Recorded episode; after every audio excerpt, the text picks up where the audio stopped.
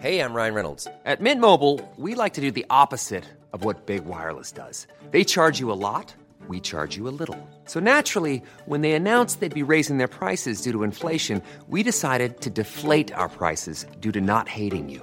That's right. We're cutting the price of Mint Unlimited from $30 a month to just $15 a month. Give it a try at mintmobile.com slash switch. $45 upfront for three months plus taxes and fees. Promo rate for new customers for limited time. Unlimited more than 40 gigabytes per month. Slows. Full terms at mintmobile.com. Hold up. What was that? Boring. No flavor. That was as bad as those leftovers you ate all week. Kiki Palmer here, and it's time to say hello to something fresh and guilt-free. Hello Fresh. Jazz up dinner with pecan-crusted chicken or garlic butter shrimp scampi. Now that's music to my mouth. Hello Fresh. Let's get this dinner party started. Discover all the delicious possibilities at hellofresh.com. Everyone knows therapy is great for solving problems, but getting therapy has its own problems too, like finding the right therapist, fitting into their schedule, and of course, the cost. Well, BetterHelp can solve those problems. It's totally online and built around your schedule. It's surprisingly affordable too. Connect with a credentialed therapist by phone, video, or online chat, all from the comfort of your home. Visit betterhelp.com to learn more and save 10% on your first month. That's BetterHelp, H E L P.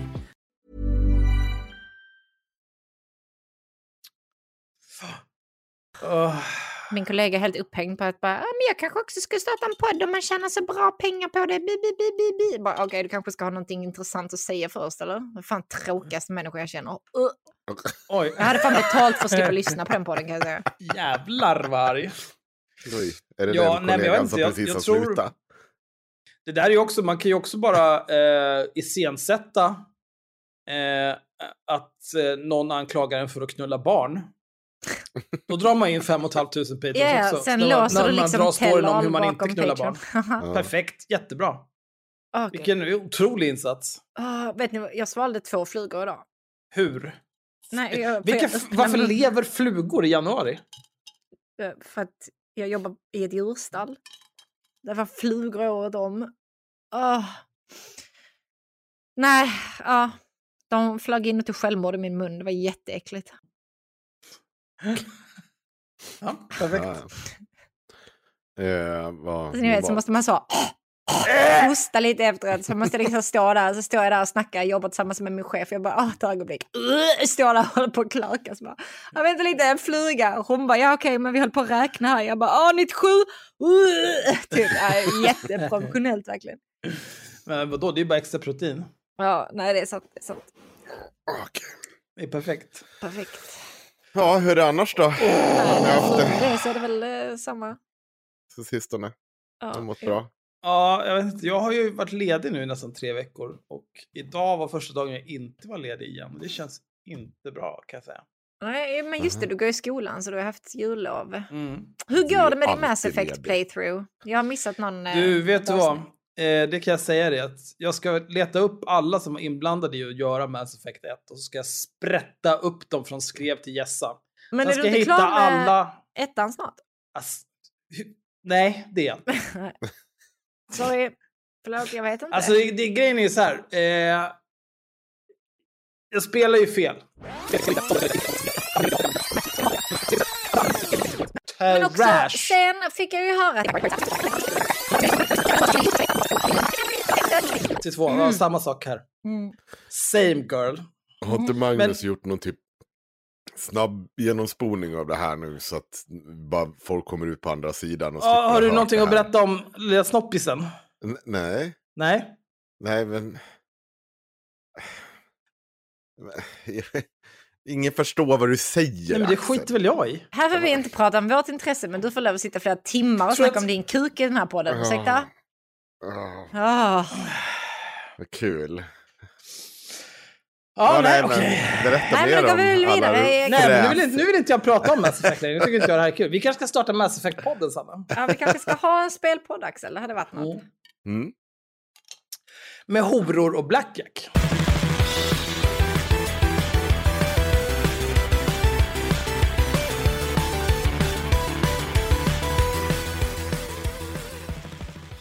Jag vill prata om eh, en massa Ska- saker idag. Ska inte någon fråga hur jag har? Ja, Nej. men vi, Axel frågade eller hur? Men då dög det inte. Nej. Henke, har du haft det sen sist? Oj, jag glömde bort ett ord där i. Låtsas som att jag sa det. Jag har haft corona. Vi Det var vet. kul. Igen.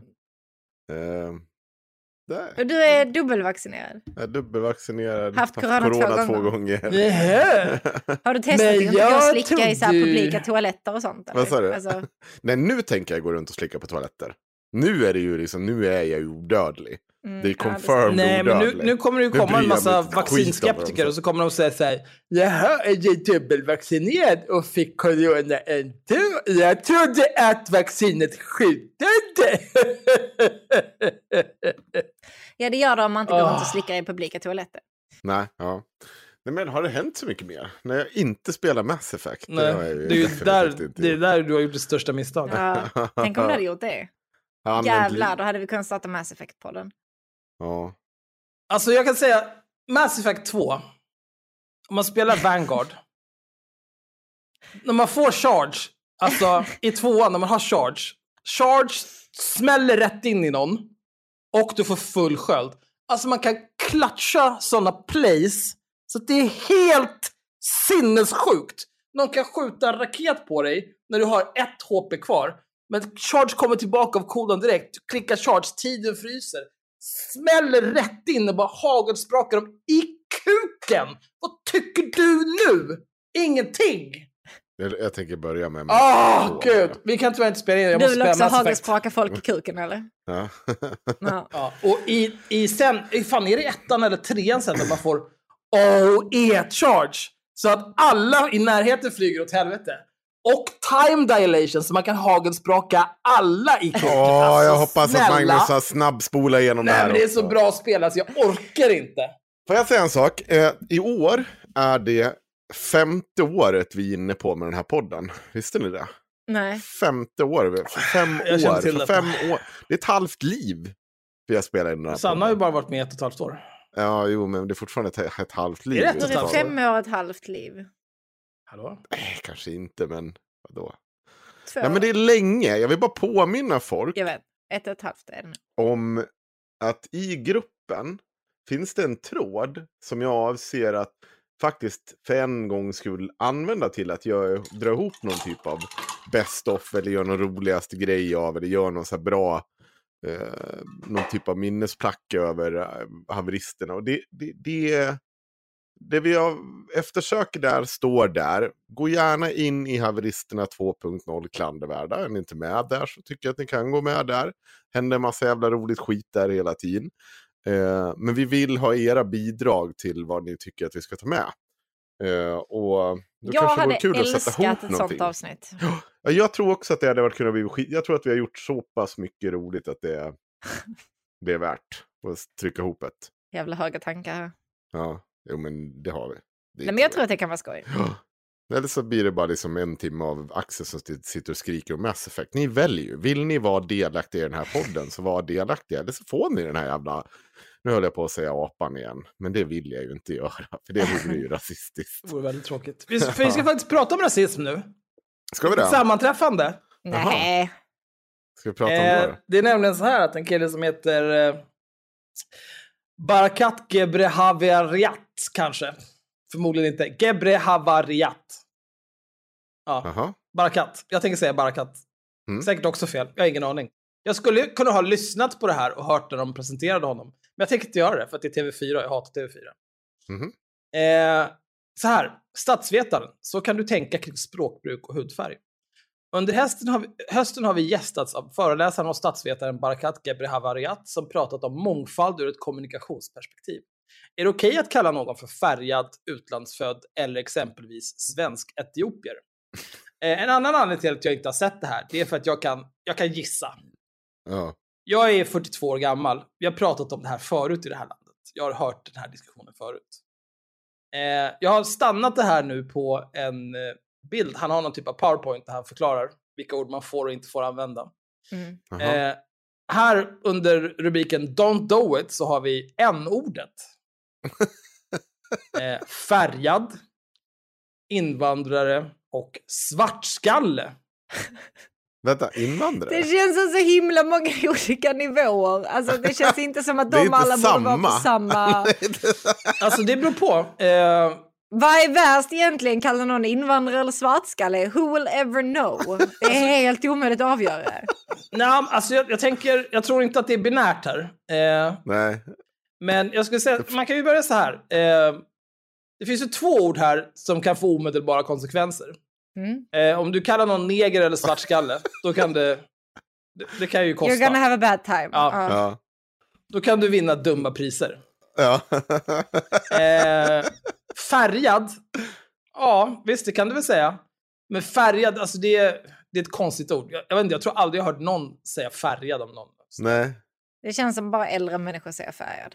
Ja, ens det, alltså det känns som att det är någon som så här, ja men vi försöker oss på det här Ja, med engelskans colored. Och bara, Nej. vadå färg? Nej, Nej, Sanna, sluta då med är det, det, det, det, då, det, de går inte via färgad, utan det är ju rakt på en ord i så fall, om de är i den myllan och rör sig. Ja. Det är det eller han, den där invandrarpojken. Eller invandrarflickan. Men sen har vi invandrare. Ja. Eh, invandrare, det beror ju på i kontext. Alltså pratar man liksom så här, ja men si och så, utlandsfödda, inrikesfödda med en utrikesfödd förälder, bla bla bla, olika invandrargrupper, bla bla bla. Då kan jag absolut göra det. Men om du hänvisar till en, en person, en individ, som invandrare, det finns sällan någon anledning att göra det. Eh, så att jag kan gå med på det också. Alltså Eh. om du pratar om någon, att den är invandrare i kontexten att den har invandrat. Min mormor är invandrare till exempel. Mm. Då känns det jävligt relevant och det känns inte som ett skällsord. Däremot så kan du ju absolut använda det som ett skällsord. Men å andra sidan kan du använda typ alla ord som skällsord om du nu är så inclined. Absolut. Alltså allting handlar ju, det har vi ju pratat om eh, någon gång tidigare vill jag minnas, kontext och intention. Uh, nej, det tror jag låter helt obekant för mig faktiskt. Ja, sen har vi, vi har ett par ord här som är varningsflagg. Oj, Okej. ja, Eh, mörkhyad. okej. Mhm. Eh, rasifierad. Är det varningsord på det? Alltså grejen är så här, eh, det här med rasifiering, eh, man är inte rasifierad. Man rasifieras baserat på eh, attribut man har. Jo. Till exempel, jag är inte allergisk mot sol och jag rasifieras därför. Jag är inte rasifierad. Jag, inte, jag, jag tycker att det här med rasifiering, det är, det är sånt som får mig att tänka så här. Fan, det var bättre när jag var barn och man inte kunde vara i Gamla stan på kvällen för att det var fullt av nassar som hoppade på ens huvud. Då. Ta bort all den här jävla skiten. Kan vi göra det här enkelt igen? Det finns så många ord. Ja, Jag fortsätter med ja. varnings... eh, Varningsflagg. Eh, flykting. Okej.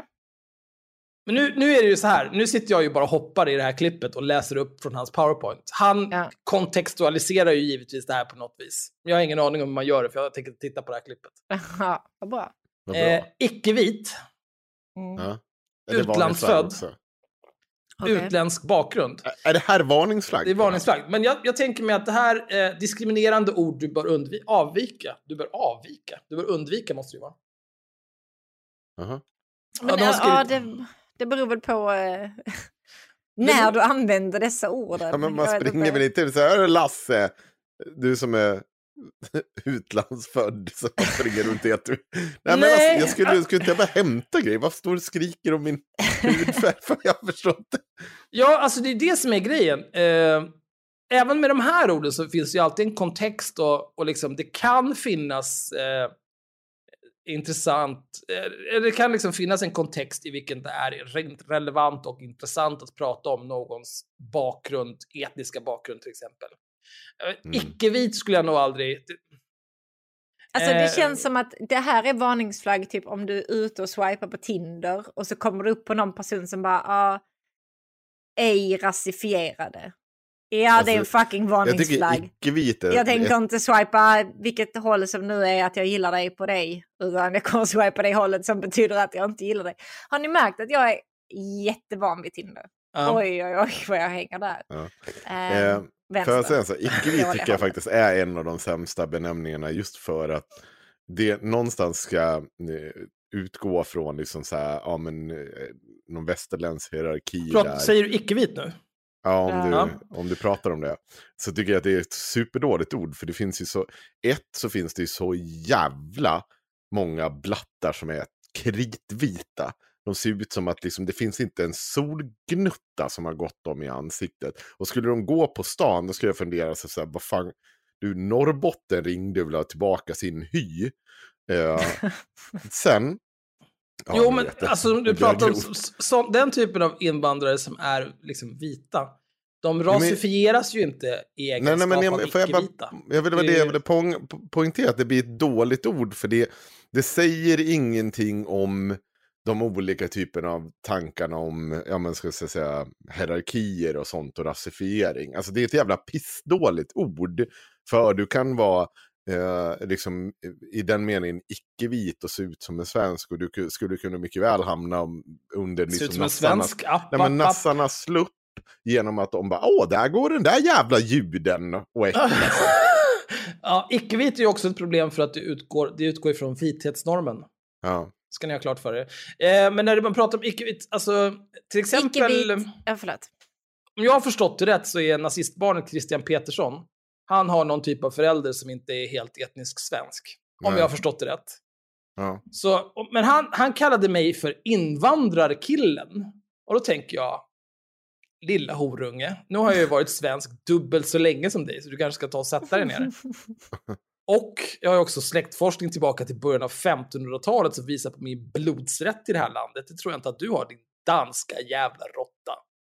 Men, där, där har vi en fråga om... Eh, det, det är ju det som är problemet liksom, när, när man pratar Mm. om så här, vem som är svensk, vem som är invandrare. Det, det är ju när, eh, när rasister pratar om invandrare, de menar ju inte Rebecka Fallenkvist som är etnisk rumän Nej. som sitter i Riks och är helt sjuk i huvudet. Utan Nej. de menar ju folk som inte är allergiska mot solljus och typ muslimer. Ja, men och, och, nej, men också så här, du kan gärna vara invandrare, men bara du är rasist som dem och tycker exakt som dem, då har du en, liksom, din plats är säkrad här bredvid mig, men don't fall out of line här. Bara så länge du håller med oss och kör, driver vår kamp så kan du få vara här. Ja, jo Och- men det är ju liksom... När man är alibit. Mm. Mm. Äh, Grejen är så här. När man, väl har börjat, när man väl har tänt ugnarna, man slutar ju inte elda förrän man är av med alla man hatar.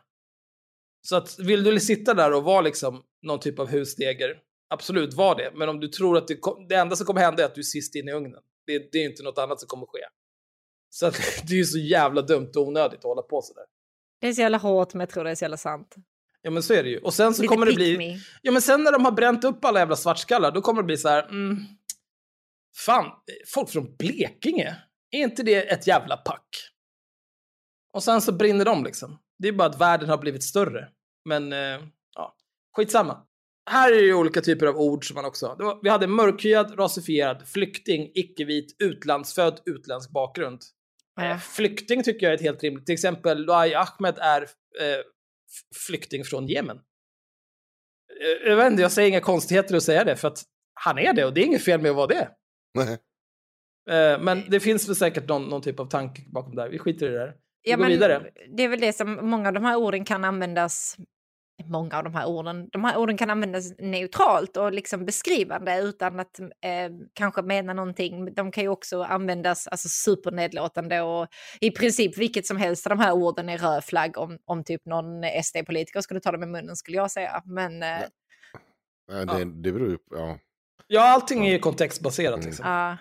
Men nu har vi... Men någon- många, många känns också bara relevanta om man spelar det här gissa vem, ni vet när man fäller ner, nej, inte, ingen blond och så fäller man ner alla de Ja, ja. blonda. Så att, Vad fan heter det? gissa vem?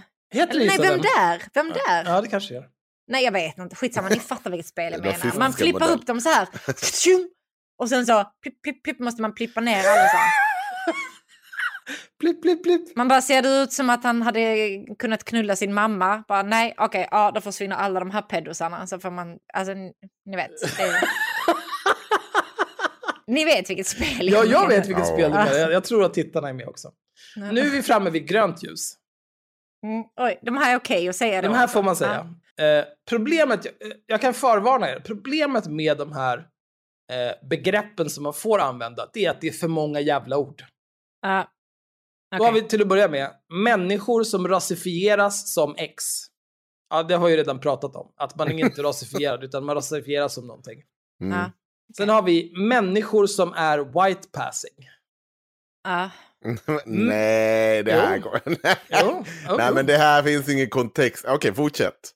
Människor som tillhör vithetsnormen. Ja, Synliga minoriteter. Synliga minoriteter kan jag tycka är ett helt rimligt begrepp. För att då får du liksom med, du får med folk som har, eh, åker färdtjänst. Du får med folk som har, in, saknar armar och ben. mm. Du får med folk som eh, inte är allergiska mot solljus och så vidare. ja. Människor med utomnordiskt utseende. Och slutligen, svensk-etiopier. Svenska etiopier var okej. Det är OK. Men det är också så här... Men Alltså- jag gissar också på att svenska etiopier, det finns nog många människor som inte hade varit okej med att bli kallade det. Alltså typ om man inte kommer från Etiopien. Alltså jag, jag kan berätta så här, utan att ta eh, människor liksom, som har en annan bakgrund eller det som jag var, en- om du är minoritet eller så här. Om, om jag skulle gå runt och prata så där till dem, då skulle ju bara, vad är det fel på det?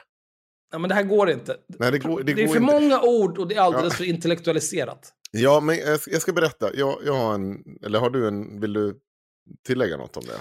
Nej, Alltså jag kan väl bara säga så här att jag, jag, jag, jag tycker som sagt, synliga minoriteter tycker jag är helt okej. Eh, Mm. Om någon skulle kalla mig svensk-kenyan så skulle jag... Hade någon gått och kallat dig svensk kenyan, då hade jag sagt åt dem, är du sjuk i huvudet? Ja, då, Det, det är liksom så ett hån mot kenyaner. oj. Men alltså snälla Axel har Ja, men vad har du med. Kenya att göra? Det är därför jag inte är allergisk mot solljus. Det är, Ja, men det är också... Den, det är därför ju- som jag går ner till gymmet och dominerar hela tiden, för att jag härskar det, oss. det, det är så jävla... Ja, men det är precis det. Det blir så sinnessjukt. Har du varit i Kenya? Absolut inte, vad fan ska jag göra där? vad, vad, vad har du med det landet att göra? Förutom Nej, att din men det- pappa råkar knulla din mamma eller vice versa. Oj, ja. Nej, men det, alltså det, det beror ju på. Vissa människor har ju liksom... Eh, jag kan tänka mig att det kommer... Det har säkert kommit folk hit från liksom... Från Thailand, Indien, Etiopien, wherever. Ja. Kommit hit och bott här i årtionden och har ett liv här.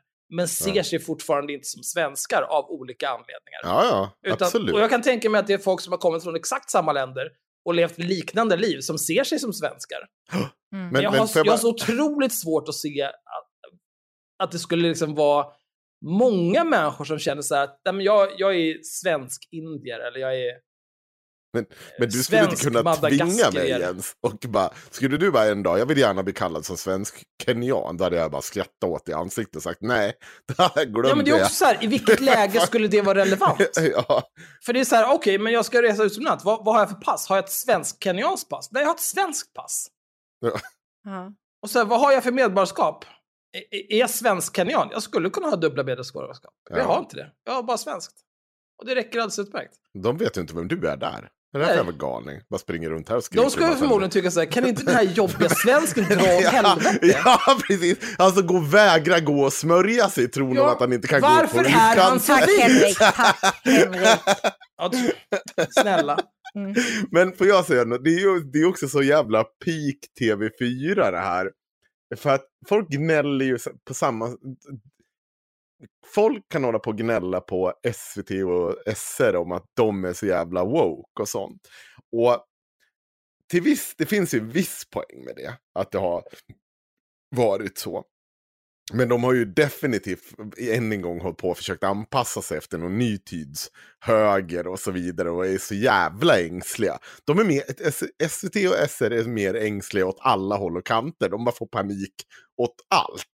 Det är liksom så. Men TV4, det är verkligen, nu ska vi hitta på den mest liksom intellektualiserade jävla person, eller ja, som, du, som vi kan bara hitta, ställa här och säga åt folk att de, du ska säga så här och så här.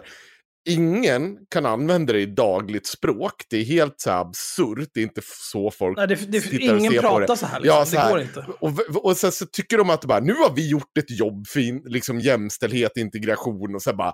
Och så folk bara går runt och bara, aha, vad var det där för jävla dåre som stod och sa konstiga saker i TV4 på bästa sändningstid? Va, va, va, vem är det och varför ska jag bry mig vad den personen har att säga? Mm. Men eh, det är också så himla märkligt för att... Att det ska finnas liksom något övergripande vokabulär som är okej. Alltså det finns, eh, precis som eh, ni sa innan så identifierar folk sig så himla olika. Mm. Och Axel kanske blir kränkt av att bli kallad svensk kenyan, men det finns säkert svensk kenyaner som skulle föredra att bli kallade det eller bli benämnda som sådana. Och då, det känns bara så himla märkligt att det ska liksom finnas en övergripande grej som det här är okej och det här är inte okej. Alltså Ken Ring skulle nog inte ha några problem med att bli kallad svensk kenyan. Nej, men han bor väl också halva tiden på året där. Mm, visst. Har han väl gjort hur länge som Men han helst. lever ju, han lever ju life. Han älskar ju Kenya. Höll inte Ja. han på att döda? Jo, det gjorde han Men han hade någon malaria eller något skit. Ja, just det. Nej, nej, han hade covid. Nej, han hade Nej, men inte sen, covid. han sen pudlade han och sa att det var eh, malaria. Men han sa, väl, han sa ju aldrig att det var covid. Han sa bara att han låg och dog på ett sjukhus. Jag kommer Men inte det- ihåg hur det var. Men det vet var inte. malaria. Ja, skitsamma. Ja. Han lever i alla fall, det är bra. Ja, han, men, han, som eh, hade så, han som hade så lite, han som hade lite problem med det här med jude-grejen. Alltså, jag, jag kan säga så här. Eh, Ken Ring för evigt i mitt hjärta alltså. Ja, För, har jag väl berättat den storyn när han önskade Venga Boys? mm, nej. Så här. Eh, för typ jag vet inte, 20, 22, 20, någonstans runt millennieskiftet. Då hade jag en kompis som jobbade för MTV. Mhm. Och det var ett program på MTV som de, de gick runt i olika europeiska städer. Och så frågade de folk så här, ah, vill du önska en låt? Blä, blä, blä. Och så fick de önska en låt. Eh, han tyckte att det var väldigt tråkigt att göra det där, så han brukade betala mig för att göra det. Så då fick jag en kamera av honom och då brukade jag gå till någon skola eller någonting, för då kunde man liksom damma av allting snabbt. De ville ha kanske så här 20, 25, 30 stycken. Mm. Så då kunde man bara, så här, man, man, man bara bytte position på kameran så man hade en ny bakgrund hela tiden. Mm. Eh, så kunde man bli av med det där rätt snabbt. Och en gång när jag Du gjorde det där... ett sånt jävla konstigt liv ibland. Men det var då Ken Ring jo- gav dig detta för han Nej, tyckte det, det var inte. Ken Ring som gjorde det här. Ken Ring kommer här. Aha, förlåt. Eh, då vid Medborgarplatsen så har jag den där kameran och håller på att gå runt där. Eh, och så ser jag att eh, fan, det är någonting som sker här. Och då är det Thomas Rusak spelade in musikvideon till Hiphopper. Och då tänkte jag, vilket strålande tillfälle. Så då frågade jag Thomas Rusak om han ville önska en låt till MTV. Han ville inte det. Nej. Eh, jag frågade också den där tjejen som sitter bredvid honom i bilen de åker om hon ville önska en låt. Hon ville inte det. Är det den I'm a hiphopper, yes I am? Mm. Mm. Ja. Yes I am, oh, yes I Ja. am. Oh. Ja. Ja. Den är bra. Eh, och sen så, ja, men då var det ju... Han då, kunde önskat den ju. Ja, nej, han kunde inte det, men det kommer vi till. Ja. Eh, dels för att de höll på att spela in videon till den, så det har varit svårt att önska den. Men, men då var det några andra så här olika kända svenskar som var med där, olika hiphoppare. Eh, jag tror I var där. Honom har jag också träffat i ett annat tillfälle också, han är en riktig horunge. Ja, sluta namedroppa och bara berätta en historia. Nej, han är okej. Antar jag, jag har ingen aning. Eh, men då Ken Ring där, efter att alla de här jävla människorna sa nej och bet handen som födde dem. Då sa jag till Ken Ring, hej, skulle du kunna tänka dig att önska en låt till vad fan nu det här programmet hette? Då sa han, visst, absolut. Då, då så ville han önska typ, jag tror NWA eller något sånt där. Och så sa här, nej, nej, nej, nej. Här har du en lista på låtar som du kan önska dig. Och det var ju liksom bara så här, de senaste radiohitsen. Mm. Men då önskade Ken Ring Venga Boys till alla äkta skallar. Och sen dess, Ken Ring för evigt i mitt hjärta. För- Och det är framförallt för att liksom alla andra som var där, det intryck jag fick av dem, det var att de trodde att de var så jävla duktiga. Nej, men det gjorde de Och kunde också. en hel del om en hel del. Och titta här, sitter och förstör allas liv här på Medborgarplatsen. Ingen kommer fram för vi håller på att spela in.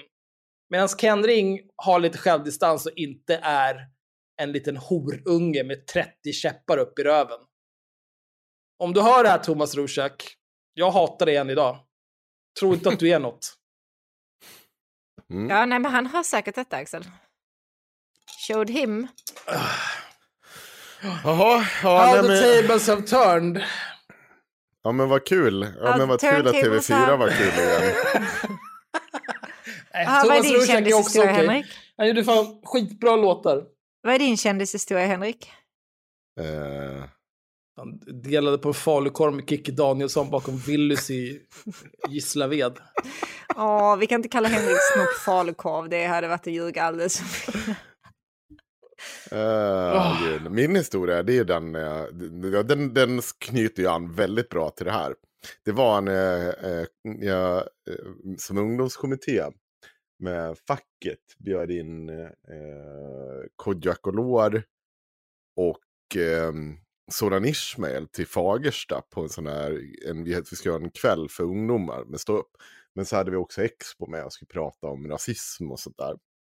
Och så efter deras show så skulle jag dra något, jag har inte ens berättat det här i den här podden tidigare. Mm. Men så ska jag dra något sånt här jävla torrt skämt om att eh, det, att de, ja, det var ju kul att det kom någon svart person till den här eh, Oh, hålan, nej. liksom tillställningen av bara vita människor. Det landade fan inte väl alltså, det kan det, det ska du vara så jävla säker på. Du Det rasistisk? flög rakt förbi och jag bara, hopp, det där tog ni bra. Ja, ja, nej, men, okej, då går jag och tar livet av mig då. Men det här är ju, det här är ju egentligen sensmoralen. Man kan ju koka Ja. ner allt det här som Barakat Ge- Gebrehavariat. Mm. Allt han har här, olika tillåtna ord, semitillåtna ord, ord som inte är tillåtna. Man kan koka ner det istället till det här. Mm. Om det bara finns en svart person i rummet, då kanske du inte ska kommentera det överhuvudtaget till den personen eller till Mm. någon annan. Och sen är det inga problem. Då behöver du heller inte hålla på och fundera över vilka ord ska jag använda för att säga det här efterblivna. Inga alls. Du ska vara tyst. Var det inte för övrigt eh, Kodjo Akolor som de drog något, eh, något superjobbigt skämt? En någon sån här ordvits när han var med och presenterade någonting om att typ så här, någonting Jo. om färg. Att hon var med, att han var, nu kommer den där svarta, eller någon, så- ja det var någon. Det var någonting med hans nu blir det efternamn. mör- nej, nu blir det mörkt, tror jag det var. Jaha. Ja, Åh, ja det var ju hon, den Ännu här värre. s- s- eh, kvinnliga komikern som säger någonting på någon jävla gala. Gud, Det alltså, känns jag som den här, eh, Ja. den här skrönan att det ser mörkt ut på Kameruns avbytarbänk eller Mm. någonting. Nej men det, det var, var en grej, ja. Men jag, ja. Men det är ju lite grann, när folk ska hålla på sådär, det är lite grann som att så här, ja men nu kommer upp en kvinna på scen. Fan vad mycket fitta det är på scen. På tal om... Det är lite samma sak. För att det är liksom, man behöver inte... Det, vi, titta, nu kommer en ny person här som ska göra någonting och så pratar vi inte mer om det. Det är mitt tips till alla. På tal om Kameruns avbytarbänk så har min kollega äntligen testat negativt för corona och fått lov att åka hem till Kamerun för att se deras fotbollsturnering. Den Oj. afrikanska, jag vet inte vad den heter. Afrikanska inte cupen. För att den är, Mm. Ja, precis, men för att jag är noll fotbollsintresserad.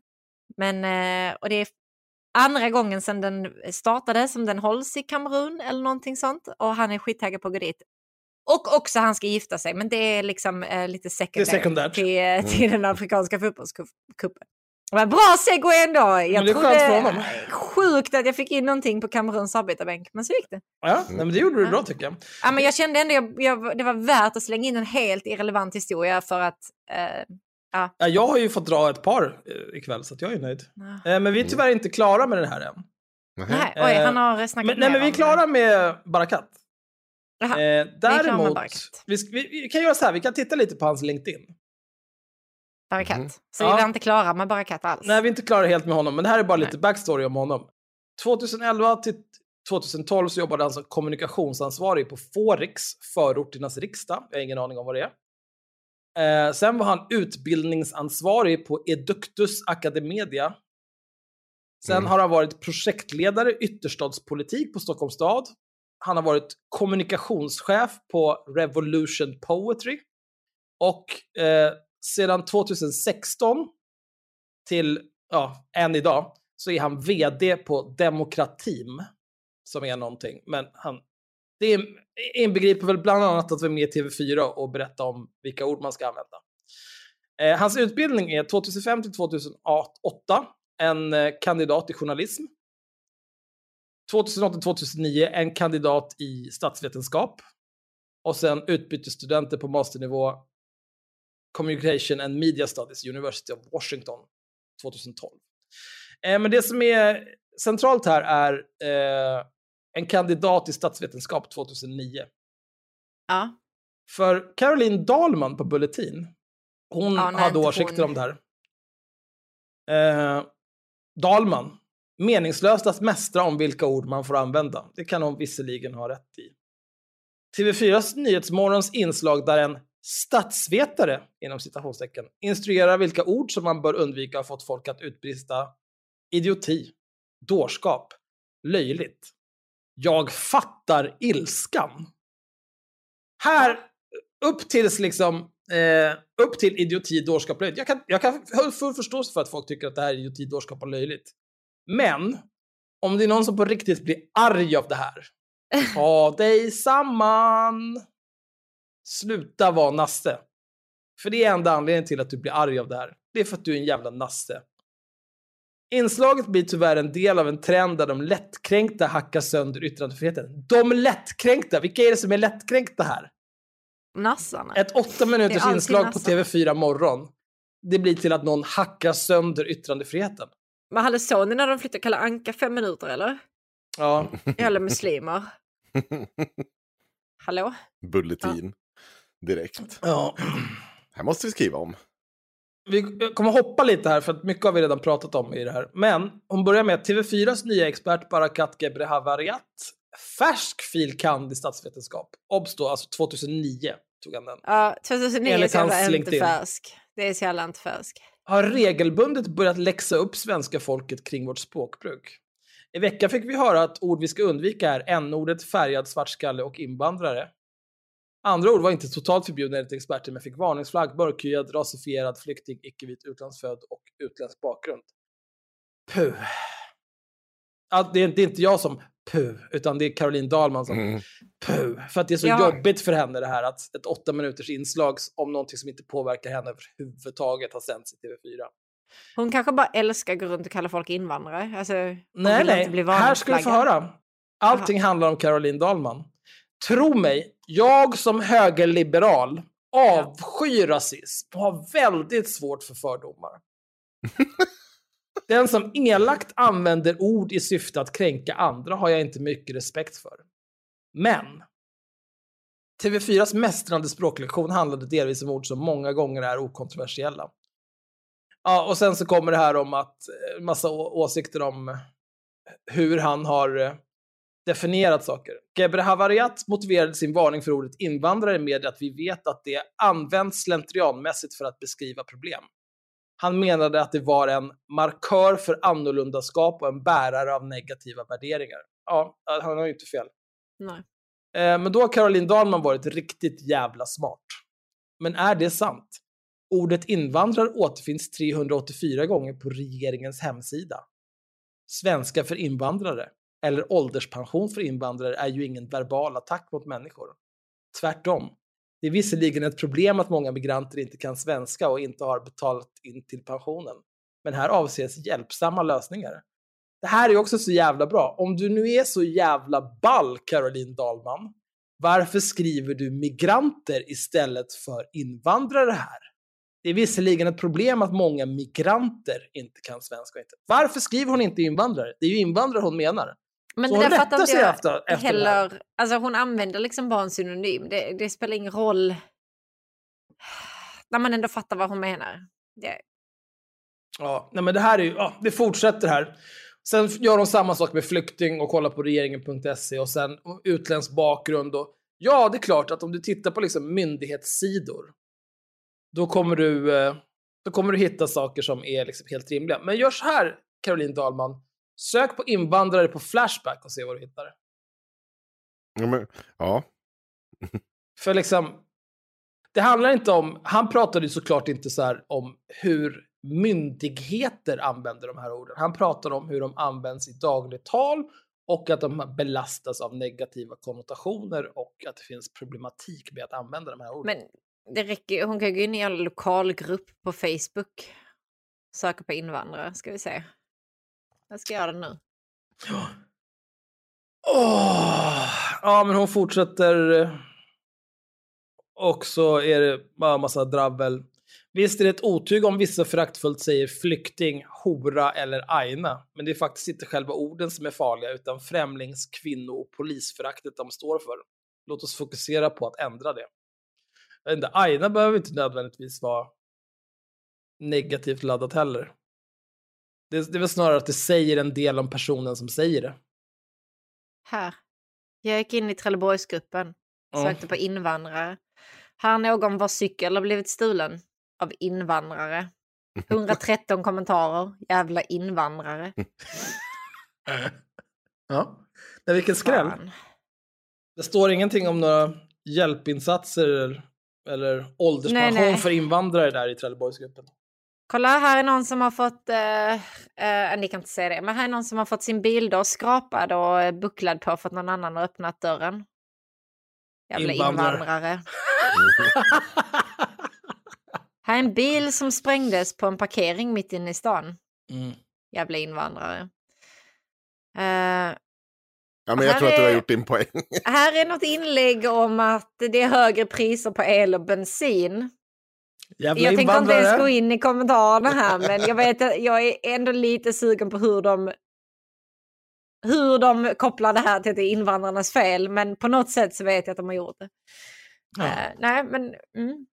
Ja, och sen fortsätter det så här. Caroline Dahlman är ju dum i huvudet och djävulskt. Eh, och så fortsätter det på det där viset. Men Jag ändå vill så också det- bara som parentes vill jag nämna att eh, eh, en podcast som vi nämnde tidigare, Per Lindgren och Hanif Balis podcast God ton, som nyligen eh, drog in 5500 nya friska patrons på att släppa ett avsnitt om att Hanif Bali inte knullar barn.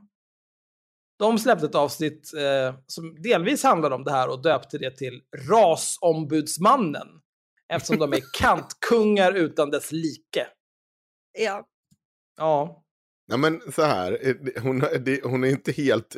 Så här, det problemet med henne är att vi- vi håller ju till viss del med. Det är problemet, det hon gör, det är ju slutsatserna hon drar av det här. Nej, men, Det- nej, men hon har, alltså när hon börjar söka på liksom regeringen.se på invandrare. Mm. Redan där så har det ju brunnit i hennes huvud. För hon Jag- har helt missuppfattat vad som... Nej, nej, hon har inte missuppfattat. Hon vet precis vad han menar. Men hon är ett äckel. Jo, men samtidigt så... Det, blir ju, det stora problemet blir ju snarare när han kommer med sina eh, jätteöver genomtänkta så här ska du prata. Absolut, det är också grejer. det är dåligt. Det, så, det är också som blir så jävla konstigt. Hade, hade han bara stått och förklarat att ja, men invandrare i olika kontexter används extremt negativt, det här kan man ju fundera över.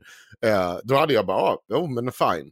Men problemet är att han kommer ju med den klassiska lösningen där han vill visa att vet du hur jävla bred pung fylld av högskolepoäng jag har?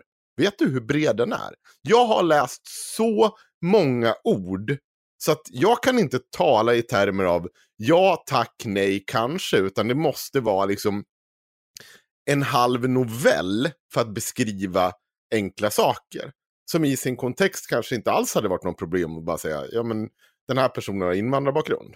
Ja. Och så var det inget mer med det. Man får ju också tänka på att det här var ett åtta minuter långt inslag. Ja. Och det är liksom, totalt så var det var 4 plus 6 plus 6 ord, så 12-16 ord totalt som han skulle säga olika saker om. Han hade ju visserligen grupperat dem i, i tre kategorier.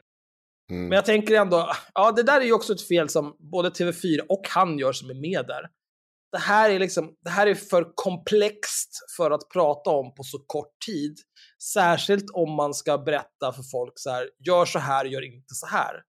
Då är det bättre att så här, men eh, har ni funderat på att som invandrare till exempel, att det ofta bär med sig negativa konnotationer för att det sitter en massa jävla nassar i samverkansgrupper i Trelleborg och skyller allt som någonsin har hänt på invandringen. Det är ett problem. Men det är inte ett problem om du söker på regeringen.se på invandrare. Nej, det är klart att det inte är det! För att kontexten är en helt annan. Intentionen med vilket ordet används är ett helt annat. Men frågan det är ju om han hade liksom tyckt, prata om han om. tycker att det, hade, du- om han tycker, eftersom han har ju en annan lösning på det. Ja, han Jo, men hans lösning är dålig för att det är för många... Du kan inte säga människor som är white passing. Snälla. Ja. Svenska för människor som är white. Åh, nej, men det är för... Det, är liksom, det funkar inte. Eh, om, om... Alltså jag... Ja. Vi, jag haft skulle väl kunna säga det, men jag kommer ju vägra bara av liksom princip för att det är för dumt. För att när man ska hålla på med sådana här saker, eh, om du till exempel ska... Jag vet inte, jag, jag tänker genast på när jag har skrivit lathundar för hur man gör saker. Så här lägger du till en gemensam mailbox i Outlook. Då skriver du liksom, det här är det här är en instruktion till andra människor. Likheten är att det här är en instruktion till andra människor över hur du ska göra någonting. Och det du ska göra är standard. Till exempel, säg inte neger till folk. Det är standard. Eh, och- du vill liksom inte använda den här typen av språk. Du vill inte använda så här många ord. Du vill använda så få ord som möjligt, du vill ha många bilder och du vill ringa in saker och göra pilar. Du vill göra en lathund som en femåring kan förstå. Och jag Ja. tycker att om du ska säga liksom, du ska använda de här orden, eller du ska uttrycka det på det här viset, eller du ska prata med människor på det här sättet, eller du ska beskriva andra människor på det här viset. Gör det då också så att en femåring förstår, för då kan man ju lära femåringar, tror det eller ej, så, kan man, så slipper vi det här problemet i framtiden. Du kan inte gå till en femåring och säga, du har funderat på istället för att säga så här, eh, du som är, eh, du ser ut att vara eh, helt svensk, men jag vet att din mamma kommer från Polen. Så kan du säga, han är white passing. Va? Vi kanske bara skulle använda det, white passing och inte white passing. Och sen är det allt jag använder, resten är irrelevant. Ja, för, Nej, det är väl det utgår tänk- från vithetsnormen också. Jag tänker också så här Mm, no att det är extra bra att någon som han kallar tre personer horunge innan de kommer fram i den första halvtimmen av det här avsnittet. Nu sitter de och mästrar folk i hur de Jo, men vet du vad? människor. Horunge, det, har med sig, det för med sig exakt de konnotationer jag vill att det ska föra med sig. Och det är kort och koncist. Get Mm. fucked. Ja, jo, det vann du. Ja, perfekt. Ja, Ja, men- nej, men jag, tyck, jag tycker eh, i det här fallet så alla har fel, jag har rätt. Eh, ni borde göra som jag vill istället. Jag hoppas att bilen på vår systerpodd Gökungen som du kan se Dotterpodd. varje söndag. Ja, kom igen. Dotterpodd, förlåt. Dotterpodd. Eh, eh, som kör varje söndag klockan sju. Eller åtta, jag kommer inte ihåg vad det är nu. Eh, men där, hon kan ju ta ut det här och sen sitta och bara klaga över på hur dum i huvudet du är Axel. Ja, kul. hon lyssnar väl inte på den här podden kan jag tänka mig. Men Magnus som klipper den här podden gör ju Gökungen tillsammans med Bilan och Kristoffer Gummesson. Ja. Så att han, du kan ju ta upp det här med Bilan. Jag tycker att de borde starta en beef med oss. Ah, Snälla, snälla gör det. Så jävla stagead beef. det ska nog gå att bli riktigt. På Vi betalar deras löner, ursäkta.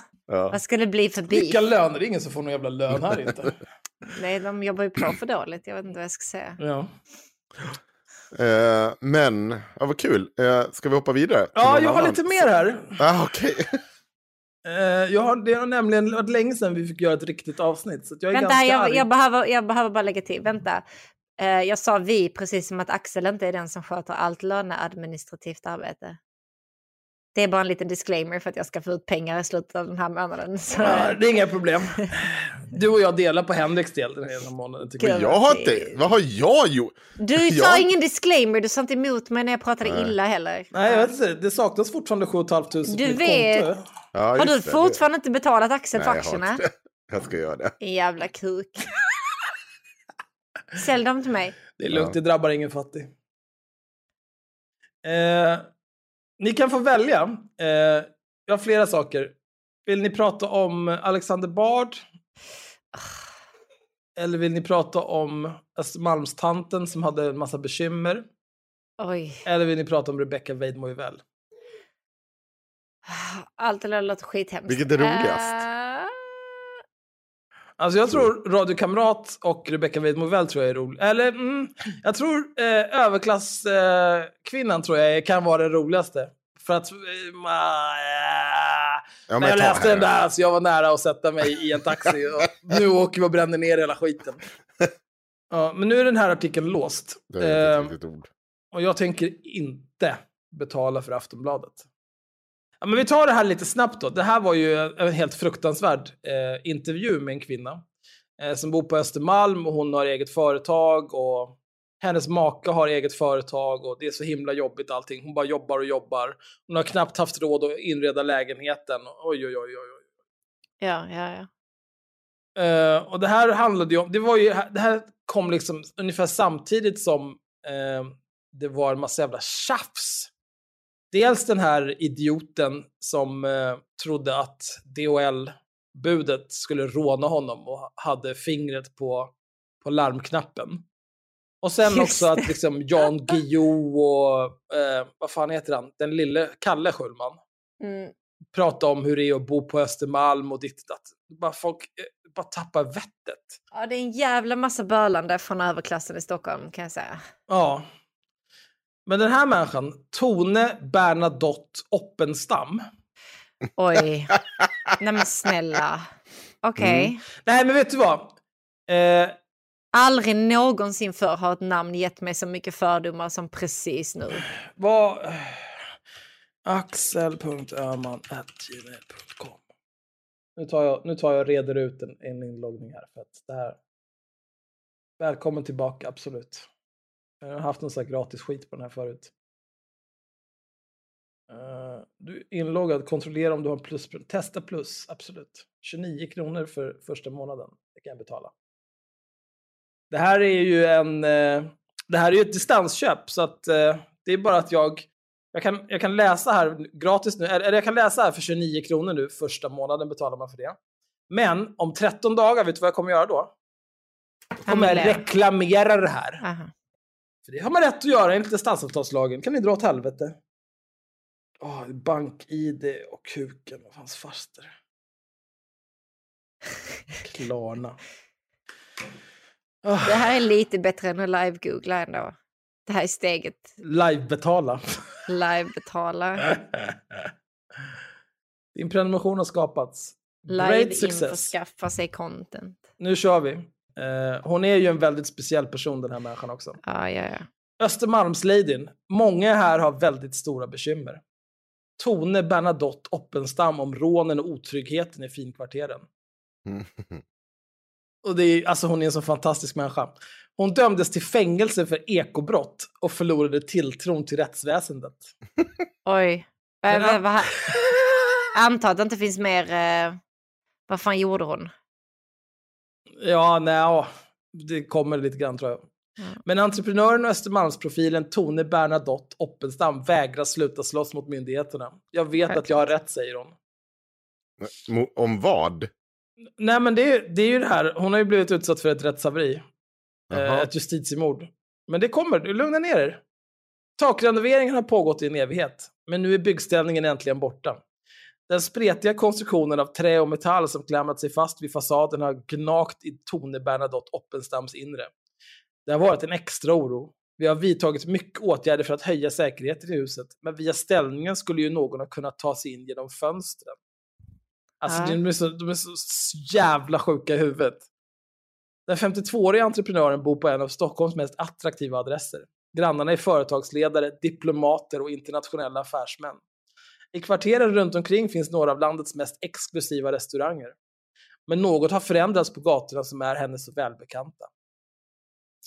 Östermalm är som en liten by, även fast det ligger mitt i storstan. Här känner nästan alla varandra och omsättningen på människor är ganska liten. De flesta som bor här blir kvar livet ut. Det här med här känner nästan alla varandra, det är ju så jävla skitsnack alltså. Men på sistone har det inte känts lika tryggt. Det har öppnat flera uteställen längs Strandvägen vilket har lett till mer trafik och stök. Och sedan har vi ju rånen. Det är väldigt obehagligt. Cry me a river. Har du provat att inte ha pengar? Under hösten och vintern har kriminella slagit till mot flera av huvudstadens mest välbärgade invånare. Gärningsmännen har tagit sig in i bostäder genom att utge sig för att vara budförare. Sedan har de tvingat till sig klockor och andra värdesaker. Händelsen har satt spår hos Tone Bernadotte Oppenstam och hennes familj. Vi har blivit mer försiktiga. Vi visar inte upp smycken eller andra dyrbara grejer när vi går ut längre. De blir ofta liggande i mitt bankfack och jag har sällan tid att plocka fram dem för fina tillställningar. Nej, men det, här, det här är också så här. Om, om du har saker som är värda så mycket pengar att du tycker att det är värt att ha dem i ett bankfack. Och du har liksom eh, superstor, alltså du ska se bilderna på hennes eh, våning. Det är liksom, det är fyra meter i tak. Det är, det är så sinnessjukt stora fönster och så sinnessjukt stora rum. Eh, och har du råd med det, vet du vad du har råd med då? Ett jävla kassaskåp i lägenheten. Mm. Alltså var lite lösningsorienterad, sluta grina. När det gäller barnen ser vi till att de inte har på sig dyra märkeskläder som andra kan vara intresserade av att stjäla. De delar rädslan med många andra på Östermalm enligt Tone.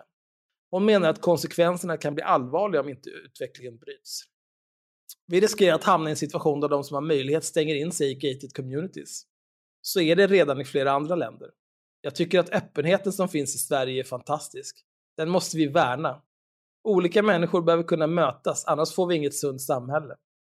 Jag hoppas verkligen att staten kan sätta emot och att polisen lyckas komma till rätta med de här problemen.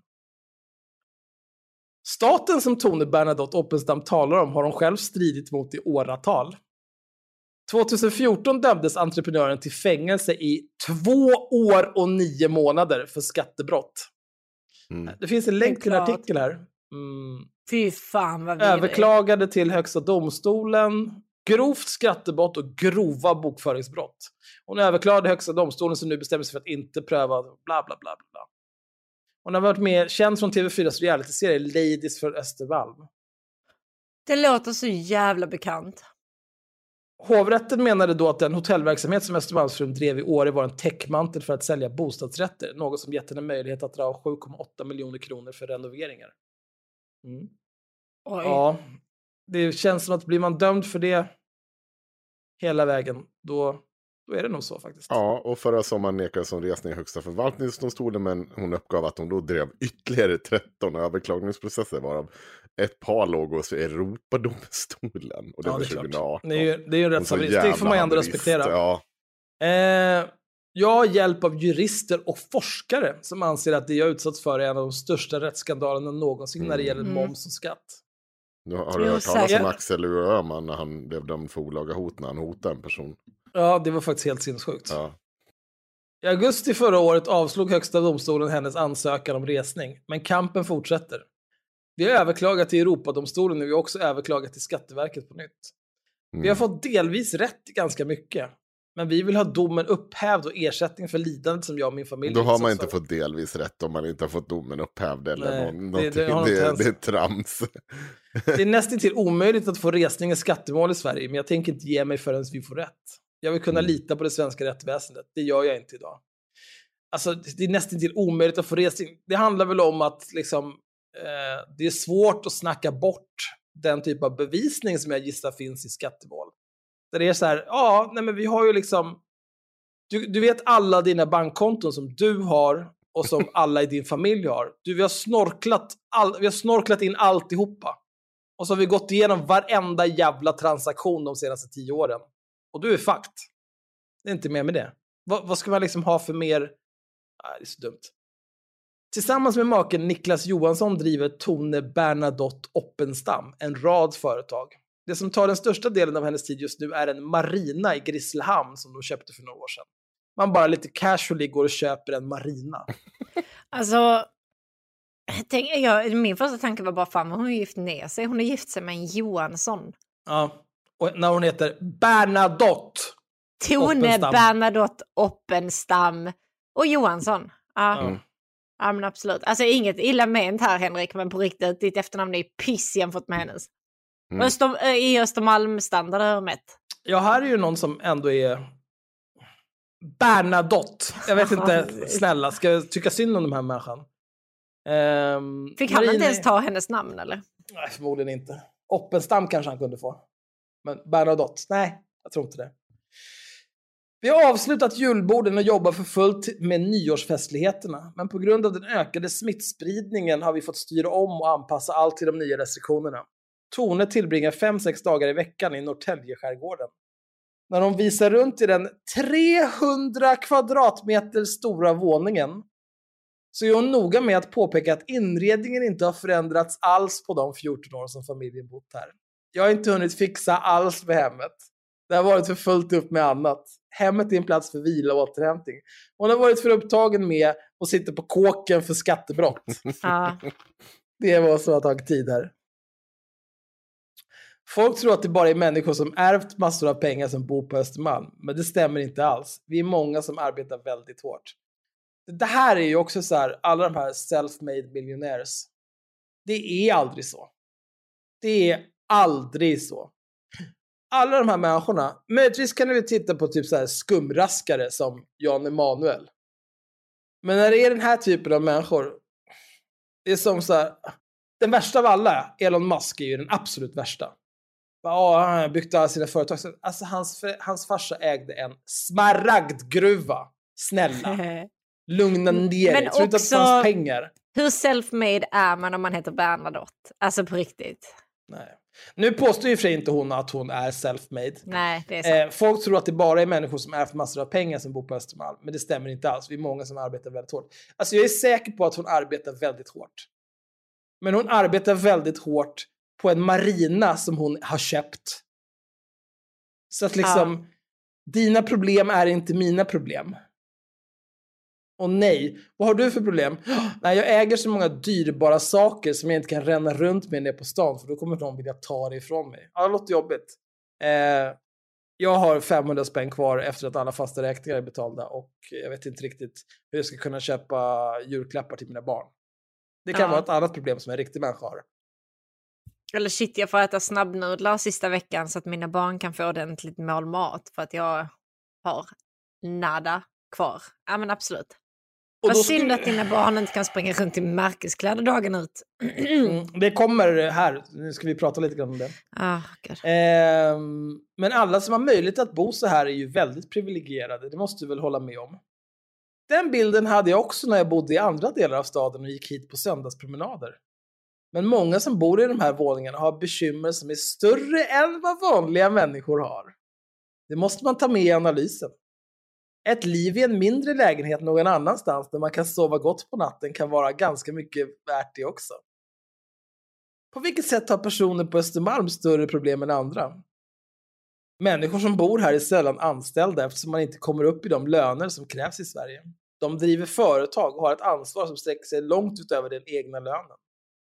De har också ett finansiellt ansvar som är större än vad man har som anställd. Om elpriset skenar som det gjort nu i vinter kanske de tvingas i konkurs. Alla klarar inte den pressen. Det här är bara svammel. Men också konkurs, om du äger ett företag som går i konkurs, drabbar det bara dig eller drabbar det kanske också, jag vet inte, eh, dina anställda? Det drabbar nog de anställda mer. Ja, tror du? Eftersom de kan nog inte gå till sitt bankfack och ta ut lite juveler och sälja. Eller kanske sälja av, ja visst, det blev lite tråkigt där med den där skumraskarhusen hon hyrde ut i Åre, så du kanske är tvungen att ta till lån på din marina i Grisslehamn för att ha råd att betala din 300 kvadratmeter jävla lägenhet där. Ja, det låter jobbigt. Det låter väldigt jobbigt. Men en ensamstående förälder som har svårt att få pengarna att räcka till mat och hyra känner väl också oro. Det här är den bästa alltså. Nej, åh, jag vill inte. Okej, okej, okej, okej. Jo, men det är en osäkerhet som är lättare att kalkylera med. Mm. Dessutom har nog den personen lättare att hitta ett annat jobb än en som varit företagare i alla år. Entreprenörer kan vara lite svåra att styra. Hon Okej. menar alltså att alla entreprenörer, de är såna jävla... De är såna jävla mavericks och daredevils. Det går inte att säga åt dem att de ska göra någonting, för då kan de inte göra det. Utan de måste göra Nej. på ett annat sätt. Jag måste gå min egen väg. Och alla Ja. andra är bara knähundar liksom som kan ta vilket svinjobb som helst. Va? Ja, okej. Alla andra bara gör som de blir tillsagda. Ryan Reynolds here from Mint Mobile. With the price of just about everything going up during inflation, we thought we'd bring our prices down. So to help us, we brought in a reverse auctioneer, which is apparently a thing. Mint Mobile unlimited premium wireless. Ready to get 30, 30, bit to get 30, bit to get 20, 20, 20, bit to get 20, 20, bit to get 15, 15, 15, 15 just 15 bucks a month. So, Give it a try at mintmobile.com slash switch. $45 upfront for three months plus taxes and fees. Promo rate for new customers for limited time. Unlimited more than 40 gigabytes per month. Slows. Full terms at mintmobile.com. Hold up. What was that? Boring. No flavor. That was as bad as those leftovers you ate all week. Kiki Palmer here, and it's time to say hello to something fresh and guilt-free. Hello Fresh. Jazz up dinner with pecan-crusted chicken or garlic butter shrimp scampi. Now that's music to my mouth. Hello Fresh. Let's get this dinner party started. Discover all the delicious possibilities at hellofresh.com. Mm. Men inte job creators. De är speciella.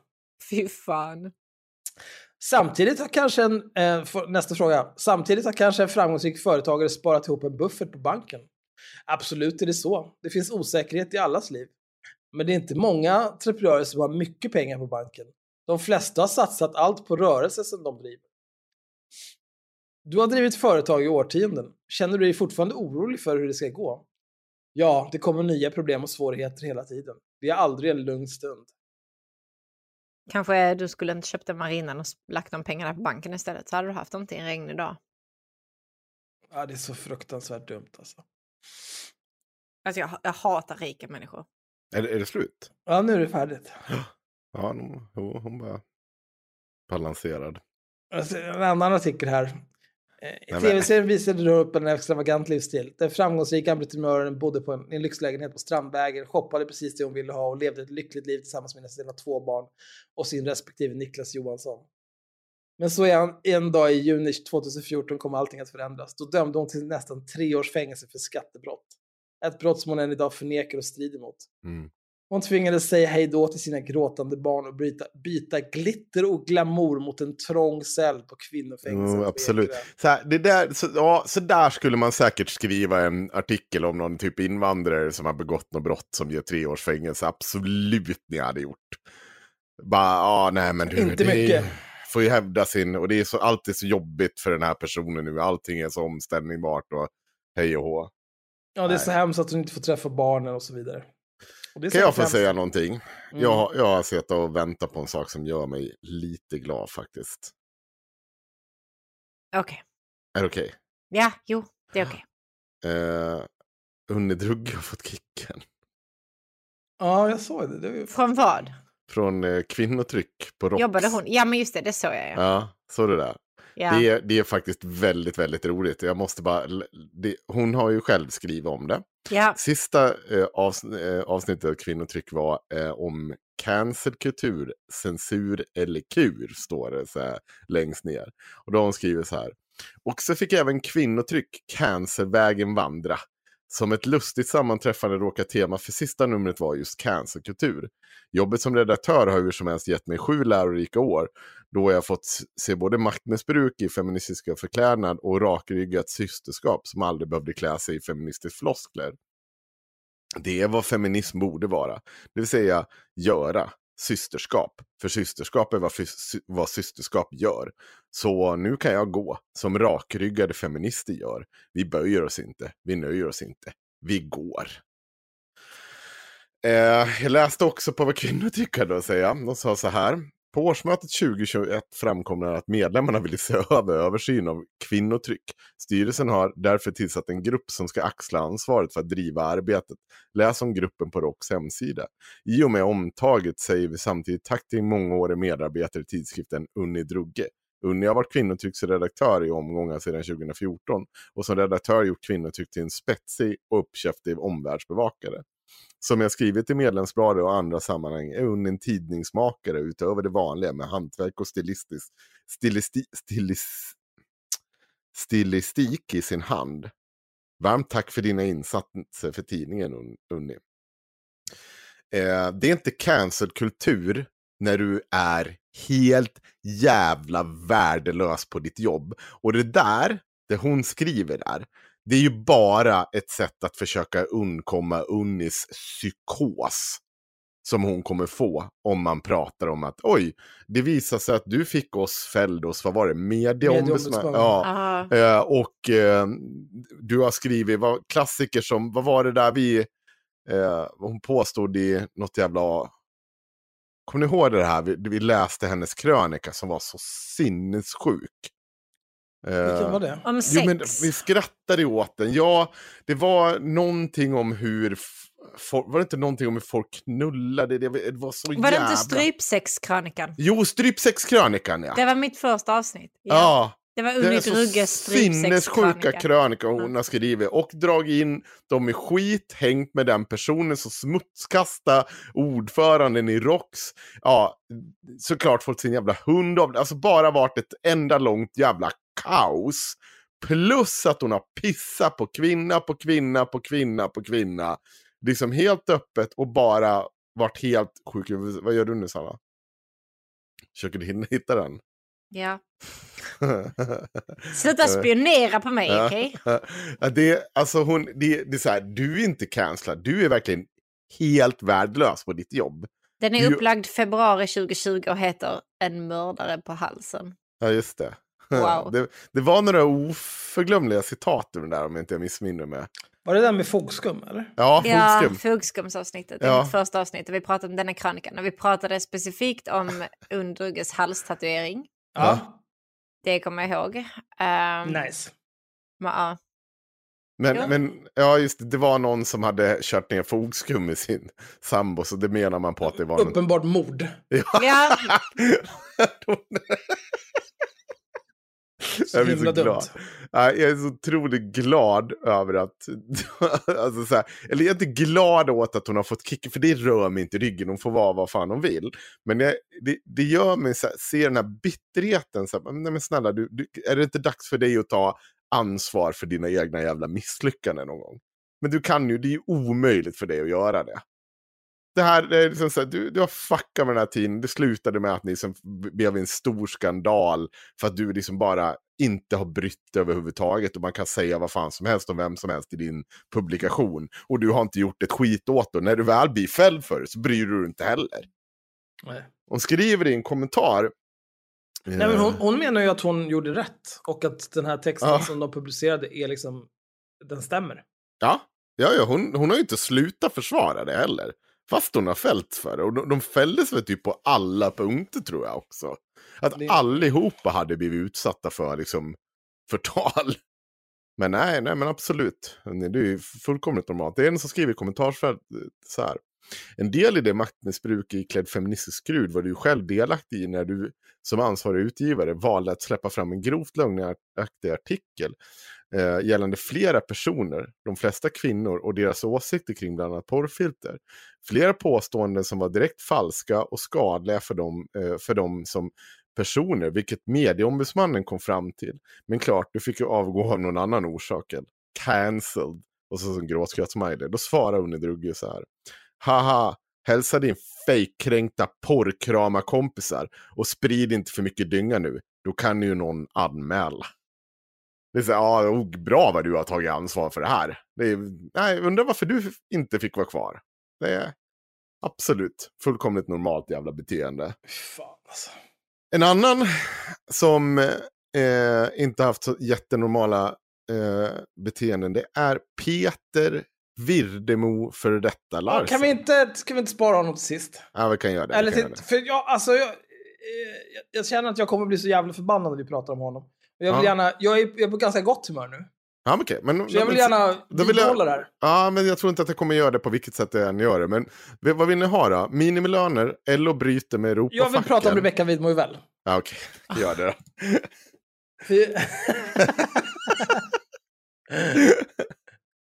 Ja, det är okej. Jag har tagit över alldeles för många avsnitt. Ja, det är lugnt. nej, nej, jag bryr mig inte ett skit. Nu kör vi. Ja, Det här ja. är publicerat, det här kom som en julklapp. Det här är publicerat 23 december 2021. Ja. Mm. Radio Kamrat återuppstår.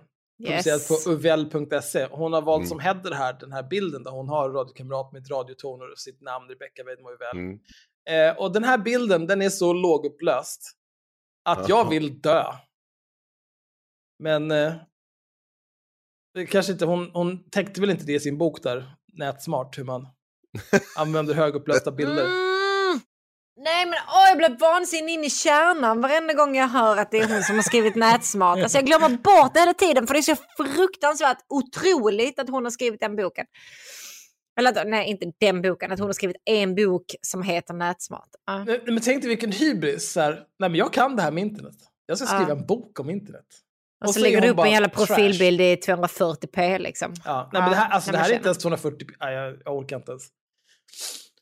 I februari 2021 startade jag min andra podcast efter att ha lagt ner borgarbrackor 2017. Efter två valrörelser där ett enskilt partis historia idis- idisslades om och om igen såg jag behovet av att vi ska prata historia. Va? Men hon kan ju inte skriva, jag vet Efter- inte varför. Där ett enskilt partis historia idisslades om och om igen såg jag behovet att ska vi prata historia då ska partiet med den enskilt värsta historiska bakgrunden upp på planen. Vänsterpartiets. Kommunisterna i riksdagen som inte utesluter väpnad revolution, som i valet 2010 vill införa planekonomi och som hyllat de värsta förtryckarna och mördarna genom historien. Som finansierats av Stalin. och som bjöd in de vidrigaste i världen till sina kongresser. Alltså det här, jag- alltså jag har inget problem med att man så kritiserar Vänsterpartiet. Det finns mycket att kritisera dem för. Eh, både i, liksom, i nutid när det kommer till den politik de vill bedriva och också historiskt hur de förhöll sig till Sovjetunionen innan muren föll. Eh, men liksom så här, som finansierats av Stalin. Bara, ja, men alltså, vem levde ens då? Det är, det är ju så jävla länge sedan. Nu får du lugna dig.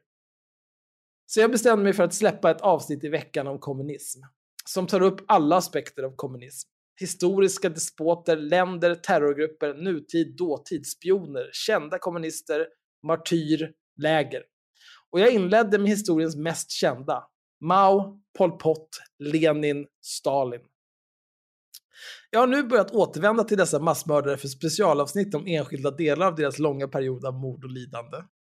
Jag har också till stor del sparat det som är specifikt för Vänsterpartiet medvetet till valåret, även om jag i många avsnitt haft mer svenska kopplingar till det jag pratat om. Inte sällan har Socialdemokraterna dykt upp. Du, du sitter hemma en lördagkväll, eller vilken kväll som helst. Så här, hmm, här kan jag gå in på SVT, YouTube för den delen, någon av de olika streamingtjänsterna som finns. Där kan jag välja att ta fram en dokumentär om Mao, Lenin, Stalin. Kan läsa på Wikipedia. Lä- läsa på Wikipedia. Mm. Det skrivits mängder av litteratur kring det, de här människors massmord och allt vad det är. Eller så kan jag gå in på den här skrikande haggans jävla podd och bara, ja okej. Som har liksom, jag vet att det kommer sluta med att någonstans ser jag Kermit i bakgrunden. Det här kommer ju liksom, ja. Nej, nej men, ja, men, jag, jo, nej, men det är där jag vill gå. Men vad, vad hade du själv valt Henrik? Ja, Du hade ju valt... Det hade ju eh, slutat med att jag hade sett med hur? Väl och skratta. ja. Hon, Ja. Kommer ni ihåg att hon påstod att hon var hack i häl på töntarna från, på IRM? ja, Jag hann släppa 40 avsnitt och få 110 000 nedladdningar totalt innan jag i november bestämde mig för att lägga podden på is. Ni behöver inte räkna, jag har redan gjort det. Ja. Mm.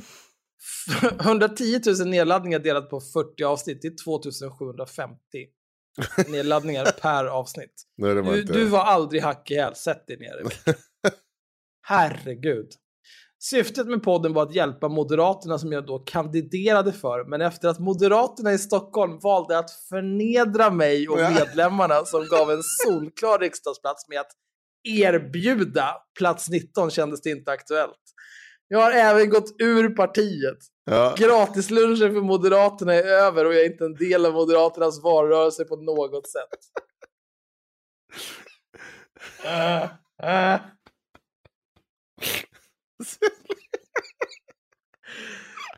Jävla ägd!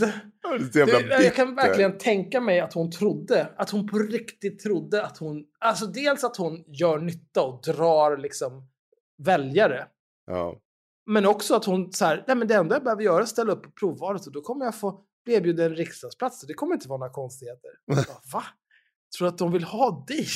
Alltså Moderaterna är ett jävla skitparti, men det räcker väl fan att de har den där jävla Eriksson Ubbhult-idioten och Lars Bäckman. Det räcker väl med fan dementa boomers. Behöver inte fler. Som liberalkonservativ eller frihetligt konservativ som man också kan kalla mig har jag uppenbarligen ingen plats i partiet, men sökte och fann ett annat sammanhang. Den konservativa tankesmedjan Oikos. ja, gud vad du fann dem. Han, han, han sitter Det ju och fan- fikar hemma Jag- ser och äter middag med er och firar jul med Ja, er. Och, Mattias Karlsson Ja. Linus Bylund är fan uppe på hennes Instagram 24-7 för att Ja. de är hemma och hennes, hennes man och äter middagar och lunchar och de sitter och har det så trevligt och Mm. myser. Oh, absolut. Plus att eh, hennes man, eh, som tidigare var vd för Kreab, som var någon jävla marknadstrams, han blev fångad på bild när han var och lunchade med Linus Bylund. Det här var ju typ sju år sedan känns det som. Mm. Eh, och då, då var det genast så här, folk började skriva på, på sociala medier och artiklar så här, oj oj, nu tror jag att du kommer få sparken från Kreab för att eh, du håller på med de här fascisterna. Och då skrev han på Twitter, jag kommer absolut inte få sparken som vd från, för Kreab för att jag har lunchat med Linus Bylund. Och vad hände sen? Han fick sparken som vd för Kreab PGA, luncha med Linus Bylund. Ja, fast, ja, jag tror inte att det var bara det. Jag tror att det fanns mer aspekter i det. Eh, Det fanns nog en, helt ärligt, inte ens... eh, Jag tror tror att det finns inte. ganska mycket som händer bakom. Det tror jag inte. Jo, jag Nej, men det där det. har du inte täckning för. Jo, jag tror det. Nej, nej, nej. Ja, Det är inte lika roligt. ja, okej. Ja, i alla fall. Så idag släpps det första avsnittet av den återlanserade Radio Kamrat i samarbete med Oikos. Mm. En julklapp till alla trogna lyssnare och en julklapp för er som ännu inte kommit igång och lyssna. Dagens avsnitt handlar om de kurdiska kommunistiska grupperna PKK och PYD som Socialdemokraterna stöttat efter att ha köpt en röst av Amineh Kakabaveh för sin regering. Från och med den 19 januari släpper jag i samarbete med Oikos ett avsnitt varannan vecka fram till valet. I syfte att sätta kommunismen generellt men specifikt Vänsterpartiet och även Socialdemokraterna på dagordningen. Ska vi ägna ännu en valrörelse åt att prata historia ska nämligen kommunismens alla offer få en röst. Och den vill jag bidra till, för att, för, bidra till att föra fram i svensk offentlig politisk debatt. Jag vill därför folkvalda, folkvalda om kommunismen? Jag, eh, jag vet inte, hon vill någonting om kommunismen. Förmodligen inte folkvalda som hon har skrivit. Om historiska händelser, om despoter, om länder, om terrorgrupper, om dagens politikers bakgrund, om hur kommunismen stöttats av svenska politiker. Målet är att alla ska lära sig något nytt varje avsnitt. Eh, bla bla bla bla bla, du kan lyssna på olika sätt och vis, hej och hå, bla bla bla bla bla bla bla bla bla bla bla bla bla Och längst ner så står det, eh, dels så tigger hon ju pengar, bli Patreon eller swisha. Men hon skriver också, sajten är öppen, inte kommersiell och gratis. Här har hon skrivit fel. Mm. Uh, sajten är öppen och gratis, komma inte kommersiell. Punkt ska det vara. Men istället så har de skrivit sajten är öppen, komma inte kommersiell och gratis, komma väljer man att donera det ska detta betraktas som en gåva utan krav på motprestation. Och det kan jag säga dig Rebecka Det- det funkar Jag hoppas inte så. verkligen att du betalar skatt på de här pengarna du kommer in. Att annars kommer Skatteverket eh, nulla dig. Det där drev vi med under en period, men vi, i smyg så kan vi berätta att vi betalade skatt, vi var livrädda för att Skatteverket skulle- Prenumeratoriska gåvor. Betala staten bara. Ja. Det, du kommer inte undan. Om inte annat så kommer vi anmäla det till Jag kommer Skatteverket googla ner omedelbart. utan tveka en jävla 100%. sekund. Du ska ha. Ja. Här ska vi kolla. Har de här pengarna skattas? Men det, det finns en annan text på, på lite grann samma tema här som vi ska också ta. Eh, Det här är från Arbetet Kultur. Mhm. Från den 11 oktober 2021 av Erik Eriksson och Susanna Wallsten. Weidmo Wells kommunistpodd är ett utmärkt argument för public service. Erik Eriksson och Susanna Wallsten lyssnar på den moderata riksdagskandidatens podd om kommunismen och hittar en imponerande slapp historieförfalskning. Det här var ju då innan hon, eh, jag vet inte, fann eh, en, ny politisk hemvist, om man säger så. Sedan februari detta år driver den borgerliga samhällsdebattören Rebecca Weidmo Uvell Radio Kamrat, en podcast om kommunismen med det uttalade syftet att folkbilda. Weidmo Uvell verkar intressera sig för ungefär samma ämnen som vi. Terrorism, spionage, diktaturer. När vi upptäcker att ett avsnitt ägnas åt Carlos, eller Schakalen, en ökänd tillika världskänd venezolansk terrorist som vi när ett stort intresse för och skrivit om tidigare för arbetet, bestämmer vi oss för att lyssna. Avsnittet inleds med att Weidmo Uvell förklarar att hon förvisso vill folkbilda, men missar inte att upplysa lyssnarna om att det finns möjlighet att rösta på henne i Moderaternas provval. Hon kandiderar nämligen till riksdagen för partiets räkning. Paus. Vi vill veta mer, skriver, eh, vi vill veta mer, skriver Rebecca Weidmo Uvell i datorns sökmotor.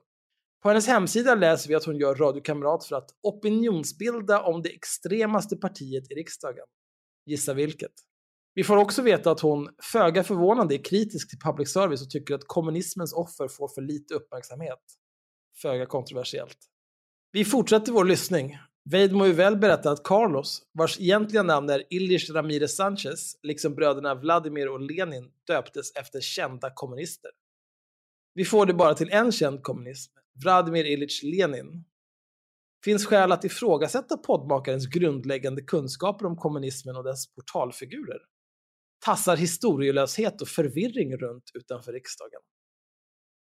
Vi lyssnar vidare och får höra att Carlos tränades av Che Guevara på Kuba och hade 75 anställda i Östberlin. Fascinerande fakta, även om ingenting tyder på att de stämmer.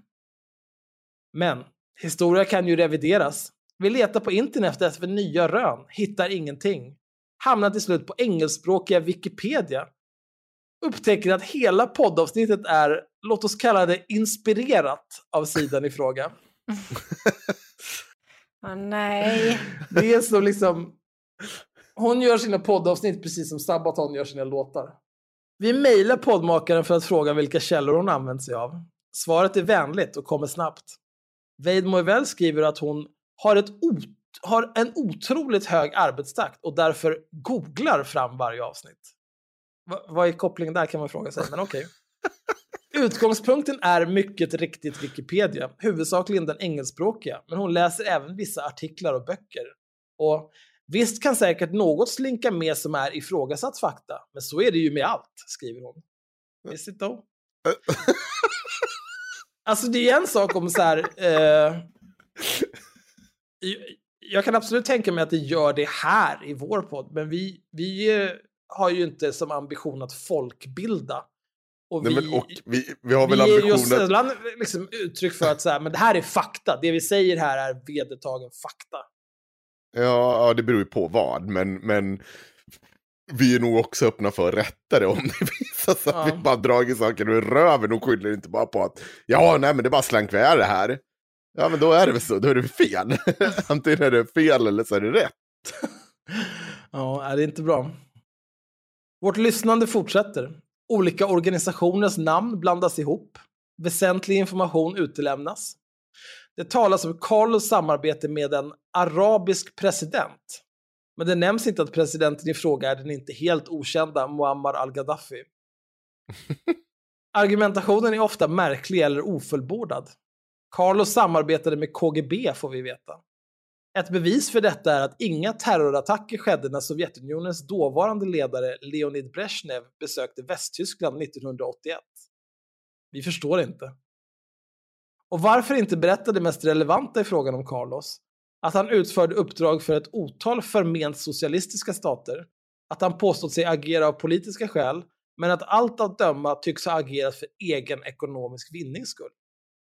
Carlos kan sägas tillhöra kommunismens anomalier, ja visst, och det borde vara lätt att teckna en övertygande nidbild för att plocka poäng. Fler avsnitt. Vi börjar med Rota arméfraktion och noterar att delar av den information som handlar om terrororganisationens svenska kopplingar enbart går att härleda till Flashback. Vi går vidare till den militanta kommunistiska gruppen Svarta pantrarna. Ja. Avsnittet ägnas till stor del åt Black Lives Matter som, precis som sina föregångare, är en kommunistisk organisation. Inget annat. Ja. Den som tror att Black Lives Matter är en slogan för rätten till ett liv fritt från förtryck är fel ute. Bakom parollen döljs blott våldsförhärligande och korruption. Dessutom vill rörelsen förstöra kärnfamiljen som norm. Källor eller förklaringar lämnas därhän. Det här är ju så här... Eh, jag vet att Black Lives Matter har någon grej om att så här, kärnfamilj, man ska ut, utmana kärnfamiljsnormen. Men det handlar ju om att liksom...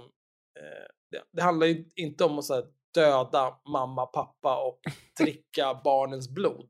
Utan det handlar ju om att det går att ha andra familjekonstellationer. Mm. Eh, och det handlar ju om att den typen av familjekonstellationer är en förlängning av att vara inkluderande mot hbtq-personer. Och polyamorösa och allt sånt där skräp. Nej, men polyamorösa, det är inte människor. Jag orkar inte. Jag vet inte. Så... Ja, ja, fortsätt. Äh, ännu ett mejl till Veidmo Moivell, denna gång för att fråga om begreppet folkbildning, vad det betyder för henne och varför det är så viktigt att marknadsföra podden med ordet i fråga. I sitt svar förklarar hon att ambitionen är att öka folks kunskap och motivera ordvalet med att folkbildning har en betydligt lägre tröskel än exempelvis traditionell utbildning. Vi går tillbaka till hennes hemsida och läser att podden ska fylla det hål av kunskap om kommunismens förtryck som finns. Men vad fylls hålet med? Vi mejlar inte igen. Istället lämnar vi lyssnandet förvissade om att folkbildning inte får sjabblas bort vare sig som begrepp eller företeelse. Vad mer har vi lärt oss? Kanske att Rebecca Weidmos Uvells podd är ett utmärkt argument för public service. Oj. Slut! Bra. Ja, extremt bra där. En annan som har sysslat med folkbildning i år är Joakim Lamotte. Och magasinet Paragraf. Nej. De har gjort, visste ni om, eller det här rekommenderar jag varmast att ni ska se, gå in och läsa. För det här för tredje år rad har de gått igenom Joakim Lamottes alla inlägg igen. Eh, Men just det, det, ehm, det här kommer jag ihåg att de gjorde. Det var Ja, jättebra. Jag tror att vi läste upp det förra året. Ja, Det tror jag. Eh, Lamotts årskrönika typ på magasinet Paragraf. Ja. Och vi gav ut eh, gratis eh, vadå? prenumerationer eller någonting. Va? Nej, Jo, till magasinet Paragraf gjorde vi visst det. du det. Ja, Ja, det tror gjorde vi. Men det var väl för Estonia, var det inte? Men snälla, ifrågasätt aldrig mig igen. Nej. Jo, det var det. Det var fokus. Men i alla fall. Eh, Det Lamotte var har- magasinet Paragraf! Ja, okej. Nej, Eh, nej, det är en... Nej, jag vet inte. Ja. Lamotte har under tre års tid gjort sammanlagt sex live-reportage och fem av dem gjorde han 2019. Under 2020 lämnade han inte skrivbordet i Lindome alls och i 2021 gjorde han, eh, en gång, gjorde han det en gång för att besöka studentstaden Lund. Visserligen befinner vi oss i en pandemi men andra medieaktörer har klarat av att arbeta ändå. Mot bakgrund av det här blev det lite komiskt när han i ett inlägg 19 februari skriver Min uppmaning till journalister på TV4 är att lämna era trygga kontor och ge er ut i verkligheten. Under 2021 hann det bli eh, 67 inlägg. Sammanlagt 49 av dem, eller 73 procent, handlade huvudsakligen om, om, om, om honom själv. 10 procent av samtliga inlägg handlar om det, eh, den egna thaiboxningen. Många inlägg handlar om att Lamotte ska göra något, till exempel resa till Lund eller träna för en thaiboxningsmatch. En del inlägg handlar, eh, är korta utfall mot PK-eliten, Miljöpartiet eller olika vänsterpolitiker. De flesta utfall sker annars mot människor som på något sätt har skojat med honom eller kritiserat honom. och då ser man så att eh, det de har klassat som journalistiska inlägg under 2021, det var hela 12 procent. Oj, det är högre va? Eh, ja, faktiskt. Eh, Det var bara 3% 2020 och 6% 2019. Så han har lagt i... Lagt, ja, Den det är bra. journalistiska växeln så att säga. Ja, Mm. precis. Och här kommer, här har de tagit ut det, här följer samtliga inlägg på Joakim Lamotts Facebook-sida. Mm. Jag, ska, jag kommer inte läsa alla de här. Nej. Men jag tycker det är så snyggt att de gör det här. Att det inte liksom finns... Ha, har ni varit idioter? Har ni felklassade? Nej, vi, vi tänker fan lista varenda jävla inlägg. 9 januari. I ett upprört inlägg berättar Lamotte att komiker Måns Möller har gjort en skämtbild där Lamotte i skyddsväst har klippts in bland stormande av Kapitolium. Nej. Och så citat. Jag tycker som sagt inte illa om Måns Möller, men det är tragiskt att han visar sig vara ännu en feg stackare till komiker som ta- totalt saknar ryggrad. Jaha. Eh, 21 januari. Magnus Betnér kritiserades eftersom han har skojat med Joakim Lamotte och kallat honom för en töntarnas konung. Ja, jag vet inte. Han har inte Eh, fel. Ja, här kommer 19 februari. Lamotte upprör sitt inlägg över att TV4 har gjort ett inslag om en journalist som rånas i Ecuador när de inte gjort något inslag när han blev rånad i Sverige. Min uppmaning till journalister på TV4 är att lämna era trygga kontor och ge er ut i verkligheten. Och så här fortsätter det. Det är, ja, det är helt sjukt att det är så här. Jag ja, Lamotte är... Han är verkligen töntarnas konung. ja, det finns inte jättemycket kvar att säga om det. Men han är liksom inte... Än en gång, 4 augusti. Annika Strandhäll kritiseras eftersom hon har skojat om Joakim Lamotts skyddsväst. Det är mycket skyddsväst som återkommer. Vi se hur många gånger det handlar om hans skyddsväst? Vänta. Han är väldigt känslig kring den. Skydds... Ja, okej, det var bara... Fy... Okej, två gånger då. Förlåt. Jag trodde att det var fler faktiskt. Ja, nej, men det var bra. Bra jobbat Lamotte. Det är stark insats du har gjort för journalismen och världen. Eh, Jag rekommenderar att in och läs det där själv, för det är fruktansvärt kul. Jag tänker inte... Det där får ni faktiskt läsa själva helt enkelt. Och nu har vi kört i en timme och 40 minuter. Så ska vi ta, hoppa rakt på vår uppföljning av avsnittet med Glam. Visst. Ska vi göra Det går bra för mig.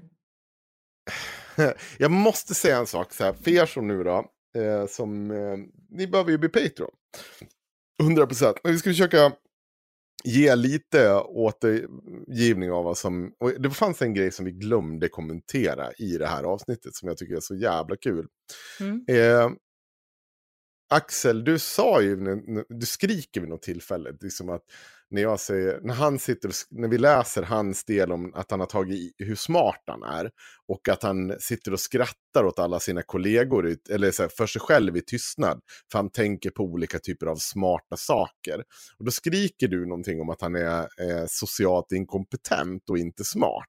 Jo, han säger att man kan inte, han kan inte umgås med andra människor för de är sannolikt för dumma för honom. Ja. Eh, och då säger du så här att han, ja, men han är bara socialt inkompetent. Och det, och, det är klart att det är lite, it's a given såklart att han är det. Men jag tänkte lite mer på det där sen i efterhand. Och jag, jag tänkte på just det här att fram till 2018, och Glam heter då egentligen då Peter eh, Virdemo, före detta Larsen. Eh, en liksom 40-årig kille från Västsverige med liksom en stor familj. Men fram till 2018, när jag utmanar honom på att han liksom och får ta det här jävla IQ-testet och han påstår sig få 137 37,6. Då säger han aldrig någonting sånt här. Utan det är först när han tar det här påhittade IQ-testet som han får för sig att Ja, ja, men det här, ja, nej, men, nej, ja, men det, jag tror att det blir som en förklaring för honom. Att, det är liksom så här, att han har gått hela livet och funderat varför ingen skrattar åt hans skämt. Varför han är liksom den där konstiga killen i hörnet. Ja, och så just, ja, det är för att jag är för smart för alla människor. Det är därför. Och, jag, och så det är verkligen det är så tydligt när man tittar på tidslinjen. Ja, ja. Ja. Ja, men det, det är så jävla... Det är, det är roligt, det, det får man ge. Men, eh, ja, sorgligt också. Sorgligt. Ehm, men vi har ju fått lite reaktioner och ehm, vill du berätta hur, hur har Peter själv reagerat, Axel? Vill du berätta lite om det? Alltså, inte, eh, Han spelar 5D-schack. Vi är inte- Han har gått långt förbi 5D-schack. Vet du, vet han, har, gått- han har gått förbi 7D-schack och han har gått rakt in i en tioåring som har, eh, när mamma var borta, eh, gått och tagit och ätit upp allt lördagsgodis redan på fredagen eller något sånt här. Och sen blir påkommen med det här. Eller jag vill typ äta upp chokladkalendern långt innan det 24. Och så bara, när mamma kom, ja, men eh, vad, vad har du gjort för något? Har du käkat upp allt det här jävla godis? Nej, nej, nej, nej, jag har inte käkat upp det här. Men, men det är ju bara du, jag och din pappa som bor här. Det är ju inte vi som äter upp det. Nej, men det... Men vet det kan annan? ju ha varit någon som gick in här. Ni vet den där gången när vi var iväg till Hemköp och handla. Tror jag glömde eh, fönstret öppet här på tredje våningen. Det kan ju ha varit Lasse som klättrade in här på tredje våningen och åt upp det här. Och du vet, så på fullaste allvar tycker att det här är en rimlig förklaring. Det, det är vad Glam har Han gjort. ramlade på chokladkalendern och den försvann in. Ja. Nej, men det, ja, men ni kommer ihåg det. Ni, när man liksom hade så här, man visste att nu är jag så jävla knullad nu. Jag är så jävla knullad och jag vet att det kommer hända. Så liksom, ursäkten vart bara sämre och sämre i huvudet. Och sen står man bara och svamlar inför mamma. Och det, är ju- är glam nu. Eller Peter. Det här är ju liksom, freedom's just another word for nothing left to lose. Det är bara Ja. att köra, all in, nu åker Ja. vi. Det liksom, finns Och- ingenting kvar. Jag såg, vad heter han, eh, ehm, vad heter han eh, från ehm, ehm, det här jätteroliga Instagramkontot, Dyngbaggegalan. Sa du Leo- det där? Leo Vene. Ja, Dyngbaggegalan. Leo Vene, en tyst minut för alla näthatare där ute som åkt dit och så att det sjunger om det. För att sedan instinktivt skylla på att mitt konto har blivit hackat eller att det här kontot styrs av fler. Och tror att någon i hela världen har köpt det så har han gjort en så här ljusbild med GIF Ja. som fladdrar. Och det, det är verkligen så här bara, men så här, du kan inte ljuga så här dåligt. Det blir för krångligt. Ingen tror på dig. Alltså det är klart att dina fem polare som har varit med och ställt till med allt det här jävla skiten som du har stöttat upp här. De kommer ju liksom springa på Flashback och säga massa sjuka saker. Och ni kommer hitta på massa super, sjuka saker. Men det förändrar ju ingenting i vår research. Det förändrar ju inte att någon i verkligheten kommer att tro på att det här konstiga... Det är framförallt det de gör nu. Eh, Mm. Nu är det en annan person som har tagit över kontot Linus Sarud. Ja, och det är ju eh, Oidipus. Tjackpundaren från Tjack- Tranås. Ja. Det är så, ja det är verkligen, det är dålig, det är dålig management av kaoset här nu. ja. Men det är också, alltså det är så... Men Det- vi vet ju också om att han panikar. Alltså det finns Ja. ju ingen som sitter och tar bort 50 000 tweets. Eh, 75 förlåt, förlåt. 75 000 000 tweets. tweets. för Eh, hand. och- ja, men inte bara precis. radera hela kontot utan bara... Och vi vet ju jag att han gör bort sådana här grejer när han får panik. Ja. Och nu kastar han bort sina Flashback-konton till eh, högstbjudande och sen så eh, eh, försöker han liksom Men det är också så här, så här- sitta och spela någon... det, det enda det Problemet gjorde... är ju Ja. att det är liksom, de verkar ju tro att så här, oh wow, nu, nu är det en annan person som använder Linus Sarud-kontot. Eh, och självklart så tycker, eh, ja vi kan säga Oidipus. Mm. Eh, Oidipus kör samma skit som han har kört från alla 10 miljoner konton han haft på Flashback. Mm. Så, "Ja, jag kan möta upp som helst, Jag- nu tycker jag inte så kul längre. Så här. Här, Bara- visar mitt, här är mitt knogjärn, kolla här mitt det, är som, knogjärn. det är bara halmgubbar. Han börjar Ja. med så här, nu verkar haveristerna inte vara så intresserade av att möta Glam längre. Bara, det ingen som har sagt ett jävla ord om det, din jävla apa. Jävla apa! Och liksom att du sitter här nu och säger, "Ja, säg en tydlig plats, säg en tydlig plats. Det är ingen som är intresserad av att ha med det att göra. Till och med din farsa hatar dig. Vi vill prata Och liksom, om... framförallt, att du nu sitter med det där kontot betyder ingenting. Det betyder inte att så här, alla andra konton som vi kan knyta till den här dumma apan på Flashback, alla andra konton som går att knyta till honom på andra plattformar. Det faktum att han bytte namn ett par dagar efter att vi var hemma hos honom. Nej, men Alltså, jag, jag lovar Ja. att de har suttit där på sin Discord och planerat detta och bara shit vad fan ska jag göra? Och sen så typ Oidipus skriver bara nej men, men låt mig logga in, låt mig logga in. Och jag lovar att någon i det här sammanhanget och att när de har kläckt den här planen har använt uttrycket reasonable doubt. Som att det är en fucking rättegång de är i. 100% att det står någonstans på deras Discord när de diskuterar det här eh, alltså Galaxy Brain-hacket att någon annan ska logga in på hans Han, Flashback-konton. ra- han raderar i discorden då när... eh, Ja men vi skitsamma om de inte ja. använder Discord, Nej. de använder ju ett annat sätt att kommunicera. Eh, Ja. Men det är bara det jag menar, att så här, Så det- någonstans så finns det reasonable doubt. Så de det har som- suttit och snackat om det i de benämningarna. Det som har hänt är alltså sedan vi avslöjade Peter Virdemo, för detta Larsen, hade seta och varit sjuk i huvudet från, liksom i, jag vet inte, hundratusen olika typer av poster mellan Flashback, olika Twitter och andra olika sociala medier. Så att, eh, han har ju bränt de flesta konton och nu helt plötsligt så är ju det här Linus Sarud-konto som faktiskt är en stulen identitet. Och honom har ju vi pratat med i avsnittet. Men den delen ligger bakom Patreon. Eh, då har de alltså gett det till Oidipus. Vill ni veta vem det är så ligger det också bakom Patreon. Men... ehm, Det är väldigt mycket inavel i vår patreon så, ja, precis. Så han Zeta då visar upp att han har sitt knogjärn och sin t-shirt och så att han är inloggad på Linus Sarud-kontot och så har han knäppt kort på det för att visa då att nu, nu kan ingenting det vi har sagt om innan, du kan inte det vara sant.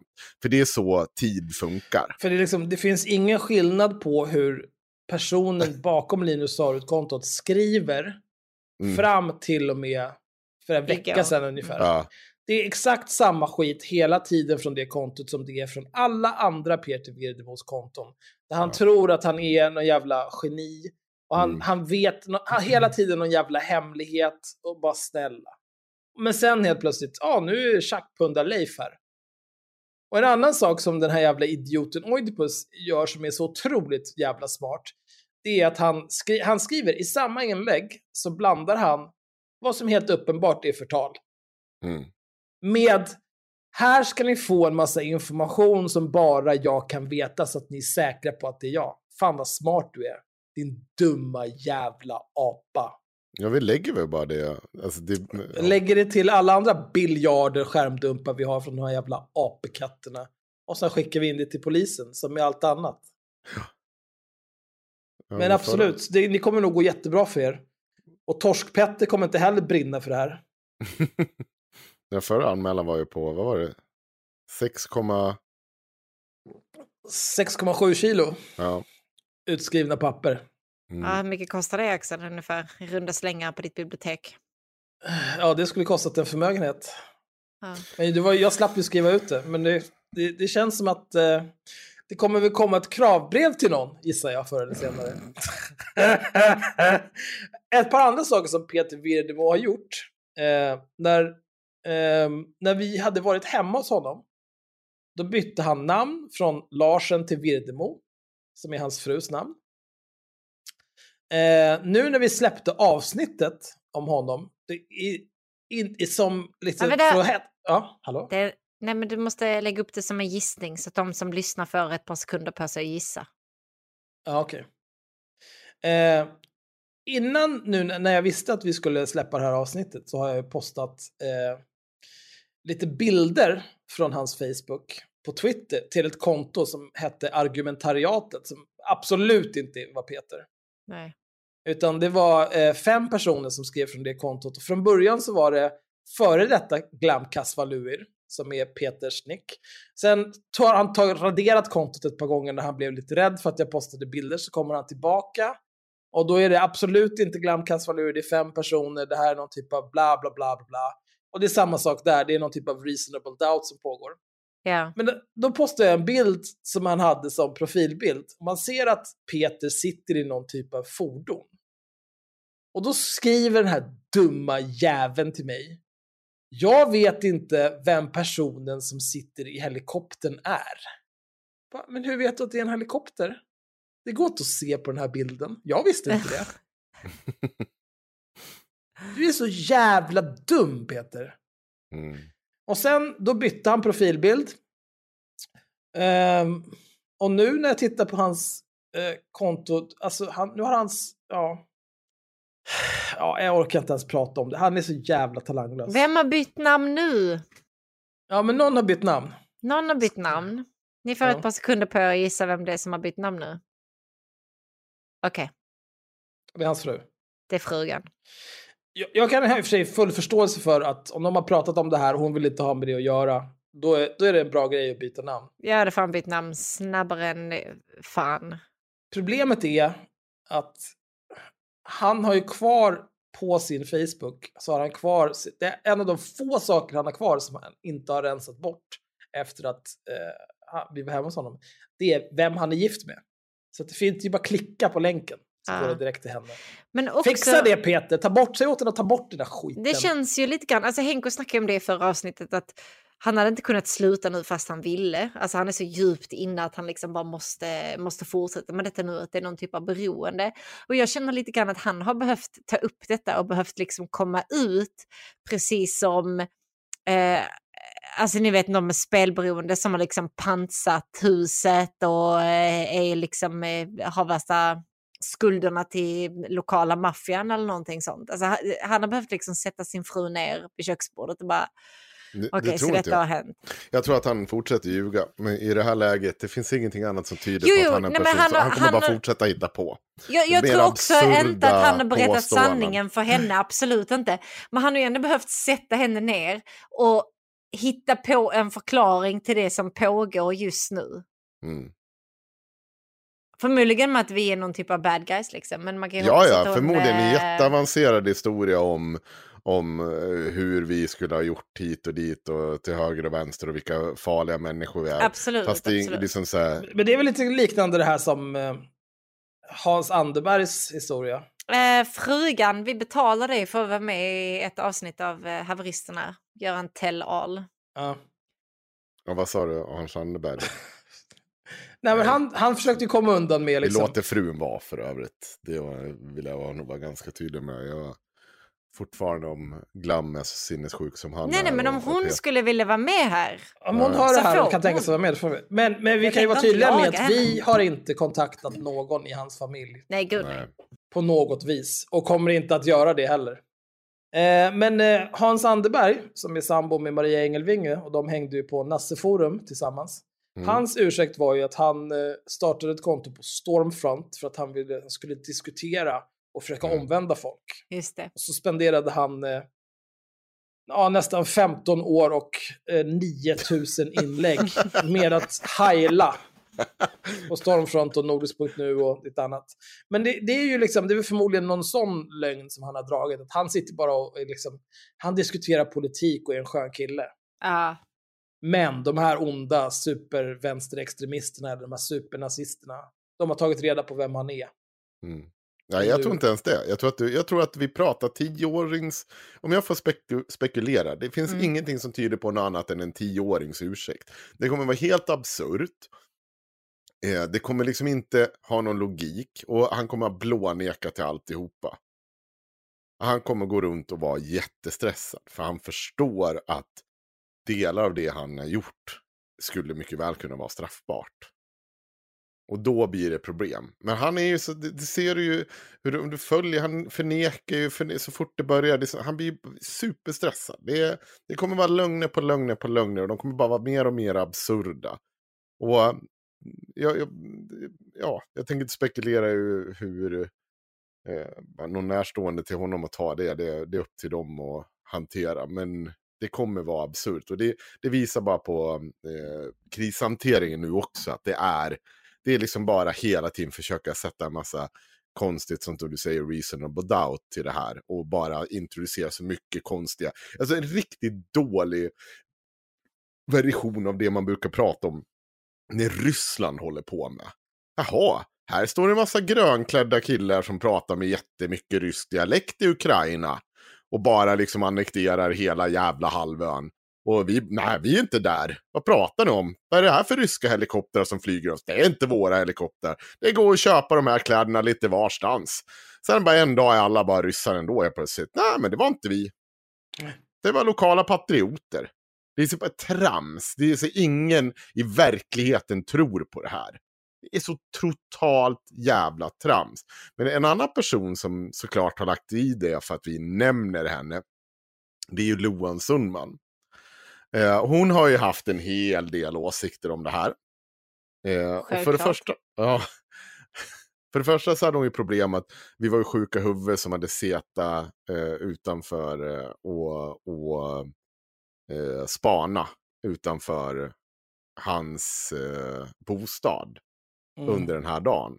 Och det var ju helt sinnessjukt. Det är alltså Loan Sundman, än en gång, guldspadevinnare. Eh, har varit med och inte bara själv varit med i en gruppering som såklart har suttit och spana inför gräv och så vidare. Utan hon har också sålt de uppgifterna som hon har varit med och tagit fram till andra personer som är fram, såklart spana på människor som man gräver om. Men det är tydligen annorlunda när Loan gör det, jag vet inte. Ehm, och framförallt, det var någon som påtalade det så jävla snyggt i gruppen. En fint litet, liten kamera med teleobjektiv du har där Loan. Är den, är den till för att visa att du, du tittar på fåglar eller vad, vad har du gjort med den där? Just det, den kommer från en artikel när du berättar om att du är ute och knäpper kort på nassar och spanar på nassar. Än en gång. Det är konstigt Märkligt. det där, märkligt. Och sen är det ju så, det säger vi i avsnittet också, att vi är där, det gör vi ju för att vi inte vill dra in en familj på ett jävla... eh, Som, för, som kan vara väldigt obehagligt och inte gynnar vår chans att få prata med en person överhuvudtaget. Sen kan man ju ha åsikter om man, eftersom hur Peter har hållit på om det verkligen är någonting, men, men man gör det ju inte för honom, man gör det ju Det är ju inte av hänsyn till honom, Nej. han kan ju brinna i helvetet. Så är det ju.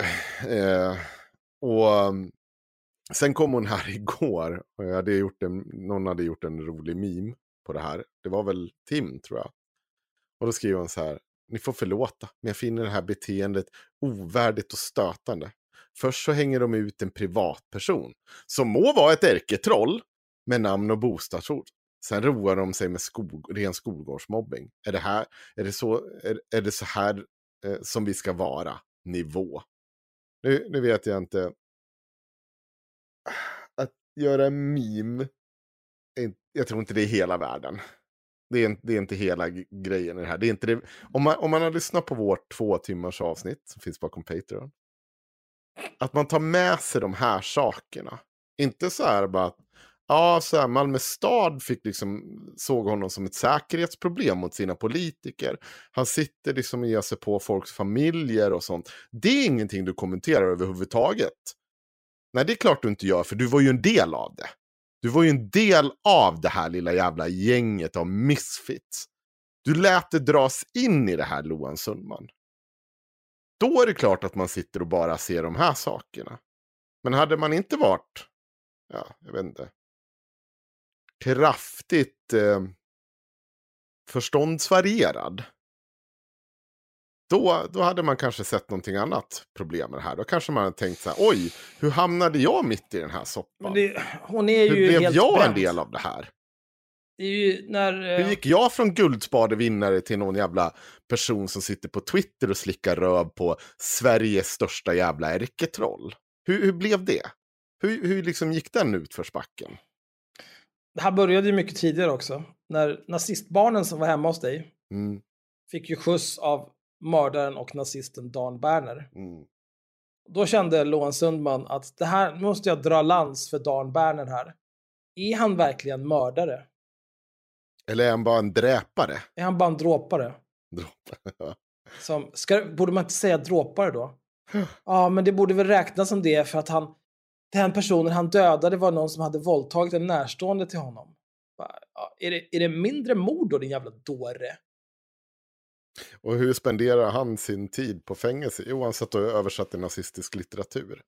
Och är, Ja. sitter nu också med nazister. Ja. Men det är klart, Johan Sundman, dra lans för honom. Det är jättebra. Det gjorde du bra. Starkt. Idiot.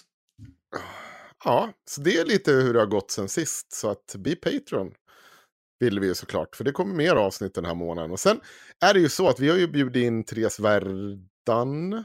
Ja, visst. Så hon kanske kommer med nästa lördag redan. Kanske, om ni vill. Helst inte faktiskt. Jo, men vi ska prata Axel. Ni ska bli kompisar. Vi- al- Aldrig. Jag vill inte sitta där mitt i deras kärleksgnabb. Det kommer vara så himla awkward bara. Ja, gud. Säg, det är ju eh, 100% Axels kärleksknabb, inte hennes. Det, nu, Mm, absolut. Det är ju, ja. Ja. Nej, men det här blir bra. Hur känner ni? Är vi klara med dagens avsnitt? Har vi mer att säga om Nej, någonting? jag vill aldrig mer spela in en jävla podd. Alltså. Nej. Jävla trött på den här Vi, skiten. måste, vi, vi har ju också den här MMA-nytt. Jag tycker, jag- jag tycker att vi bara ska ha ett avsnitt där, eh, alltså ett ordinarie avsnitt där vi bara säger att vi får inte lov att prata om någon vi någonsin har pratat om tidigare. Oj. Ja. Oj. Ja. Nej men utmana oss själva lite grann. Vad men för klandervärt beteende dumt. kan vi gräva fram? ja men, och sen blir det ja. avsnittet piss, då kan alla som klagar på att vi tar upp liksom samma personer om och om igen, då kan de bara hålla käften för att då var det piss. För ingen annan är intressant. Men i alla fall så kan vi utmana oss själva och se lite grann vad vi kan komma på. Människor som aldrig har varit med på den tidigare.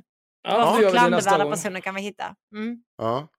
Ja, men det var kul. Inte Det nästa hade- gång, men vi kan ta det i februari typ. För nästa, vi vet Ja. inte riktigt vad som händer. Men så har vi lite tid på oss att gräva. Ja, precis. Så kan man lägga dem åt sidan om man ser dem. Ja. Ja, ja men det var smart. men det gör vi. Vi säger ett avsnitt i februari så tar vi helt okända människor. Nej, människor som aldrig har varit med på den. Nej, precis. Jag ska ta mina grannar. Va? Ja, men, ko- kommer ni ihåg den jävla fittan som stod och borrade här förra gången vi spelade in? Jävla klockan tio på kvällen, den bara Ja. drog igång och borrade och jag bara hallå, ursäkta? Här Det var jag och väldigt spelar konstigt in. faktiskt. Ja. Psykopat. Ja, okej. ja, men det blir bra. Ja, men nu kan får- inte jag ta upp min granne för nu har jag redan nämnt min granne här i podden. Även fast i och för sig, den nämnde sig själv när den borrar sig in i Och- vårt avsnitt. Ja.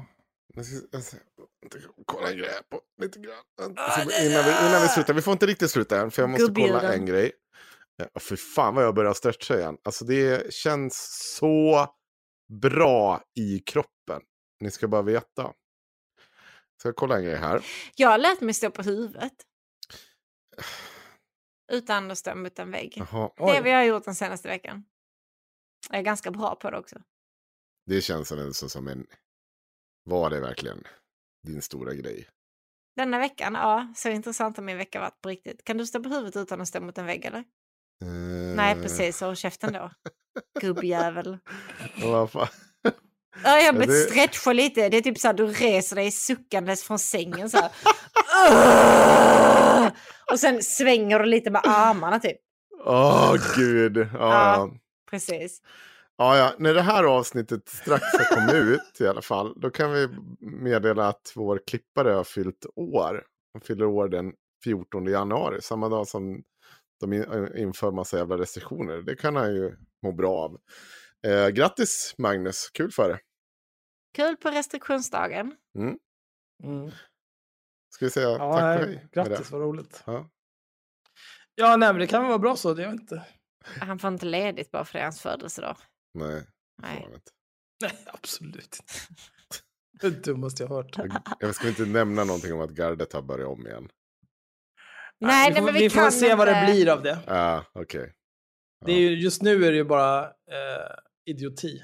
Ja, det är det. Det är som att de inte ens vet om att vad, vad som var stadgar här. De bara skiter i. Helt sjukt. Ja, Mm. okej. Helt oväntat. Ja, men nu klipper vi. Okej, Ja. bra. Tack, hej. Fridens.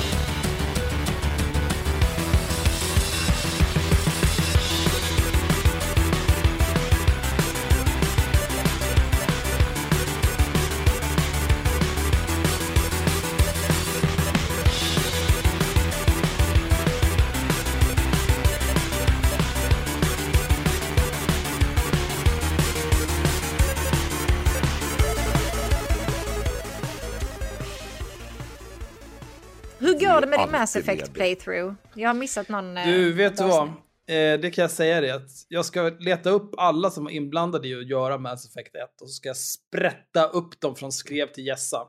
Men jag är ska du inte hitta klar med alla... ettan snart? Ass... Nej, det är jag inte. Sorry. Förlåt, jag vet inte. Alltså, det, det, grejen är så här. Eh, jag spelar ju fel. Jag spelar ju fel, för att jag spelar ju inte Soldier och jag spelar inte Infiltrator, de två klasser som fungerar i ettan. Ah, Jag använder ju heller inte granater och jag använder inte medpacks. Varför inte det? nej, Nej, men, vad, vad det är för att man han hatar att leva. Men, vad, alltså det, det är sådär... Att behöva använda medpacks i ett spel, det är, liksom, det är bara ett tecken på att spelet är dåligt. Nej. Det är såhär, åh, här, kom, här kommer så här massa av artificiell svårighet. Bara, åh nej. Du tar så mycket oundviklig skada här på den här banan så att du, du måste använda medpacks. Fuck you, jag skiter väl i att ta skada istället. Men jag känner mig också så himla lurad för att när jag jag fick ju höra att jag måste spela ME för att alla vi sitter och snackar med på Discord, de säger liksom att det är det bästa spelet som någonsin finns. Och det är inte bara ni, det är många som säger att det är det bästa spelet som någonsin finns. Jag betvivlar inte det faktum. Men nu när du har börjat spela din playthrough, efter Mm. att jag började med min, så känner jag så här, jag fick höra man måste ha Garrus för att annars är jag en äcklig fitta som inte förtjänar att leva. Mm. Det var alla i chatten Oj, det jävligt överens om att jag var, om inte jag, körde, om inte jag var kär i Garrus på en gång. Eh, Axel, har du Garrus med i ditt lag? Nej, Absolut nej, det, det inte. har Vet du inte. varför? För att Garrus är trash tier. Men också så vill jag, men kolla, varför sa ni då till mig att han är liksom eh, Jag har God aldrig, jag skulle aldrig men? sagt det. Jag har haft honom med kanske en mission bara för att kolla Ja, så här, vad har han okej. för, vad kan han göra? Alltså han Ja. är Men också, sen fick jag ju höra att det är Vanguard, where it's at. Jag ska absolut köra Vanguard. Nu i efterhand när du kör din playthrough, då är Vanguard trash. Men. Van, alltså grejen är det är så här, Vanguard, nej, men, nej men lyssna här nu. Alltså, och sen får jag liksom höra så att man är en idiot som börjar spela ettan, att man borde bara spela tvåan. Jaha, Ja, men jag fick ju höra 100%. att man måste absolut spela allting för mig. Och jag bara okej, aha, fast eh, nu känner jag mig jättelurad. Nej men du, du har Ehm. inte blivit lurad. Jag, låt mig förklara. Så här, Garrus, eh, jag, har ingen aning om varför alla älskar Garrus. Han är trash. Han, Han har trash. inga bra abilities och han, han är inte på något vis en bra karaktär. De som är bra i ettan, det är Ja. Talisora. Av den enkla anledningen för att hon är engineer och hon går fram och hagelsprakar folk i huvudet så de håller käft och sitter ner. Ja. Och hon har både Electronics och den andra skiten. Så att man, man behöver bara ha med sig henne så kan man öppna allt i ettan. Bara maxa Ja. Electronics och Decryption och vad fan det är. Så är det löst. Sen den andra, du, du kan ha med dig vem du vill i princip. Alla är lika jävla rutta. Typ den bästa man kan ha med sig är Rex för att han tål mycket. Men jag råkade döda honom i min playthrough så att fuck honom. Oopsie. Eh, jag kommer inte ens ihåg vem jag har med mig. Jo, jag har Liara. Liara, Ja, just det. Hon är ju bäst grill för att hon, har, hon är den enda som har singularity. Ja. Singularity Som som, drar ihop och upp Ja, i luften så du kan bara gå framåt. Jag var ju med Ät dig på en av dina skit. streams. Ja. och eh, satt och snackade skit i Discord medan du spelar spel. Och då såg jag att du körde med Liara och med Tali. Så nu kör jag med Liara och Tali. Eh, bara för att. eh, för att jag ska känna mig mindre lurad. Ja. Eh, jag kör inte med Garrus längre kan jag säga. Nej, Garrus är skräp. Men det kan jag säga, sen i tvåan, Ja. då vill man ha... Det finns någon som har singularity där också, jag kommer inte ihåg vem. Nej. Men, och så vill man ha Miranda. Man vill ha Miranda för att hon har dels en Bäst av. gruppbuff som Ja. ger mer HP, mer damage till alla i partyt. Och hon har warp och overload. Så att hon... Ja, du har sköldar, overload, fuck you. Ja, du har armor, warp, fuck you. Och sen singularity upp i luften och sen är det bara smasha rätt Ja, jag, in ska, med jag ska bara Vanguarden. lyckas ta mig till, till tvåan. Till två. Ja, samma sak här. Mm.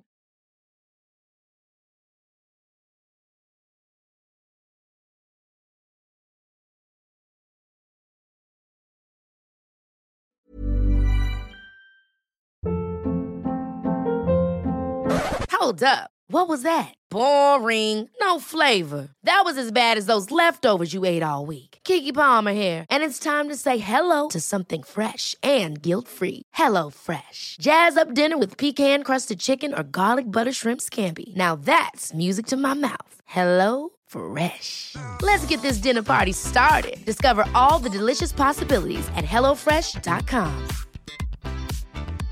Imagine the softest sheets you've ever felt. Now imagine them getting even softer over time. That's what you'll feel with Bowl and Branch's organic cotton sheets. In a recent customer survey, 96% replied that Bowl and Branch sheets get softer with every wash. Start getting your best night's sleep in these sheets that get softer and softer for years to come. Try their sheets with a 30-night guarantee. Plus, get 15% off your first order at bowlandbranch.com. Code BUTTERY. Exclusions apply. See site for details. Even when we're on a budget, we still deserve nice things. Quince is a place to scoop up stunning high-end goods for 50 to 80% less than similar brands. They have buttery soft cashmere sweaters starting at $50, luxurious Italian leather bags, and so much more. Plus, Quince only works with factories that use safe, ethical, and responsible manufacturing. Get the high-end goods you'll love without the high price tag with Quince. Go to quince.com slash style for free shipping and 365 day returns.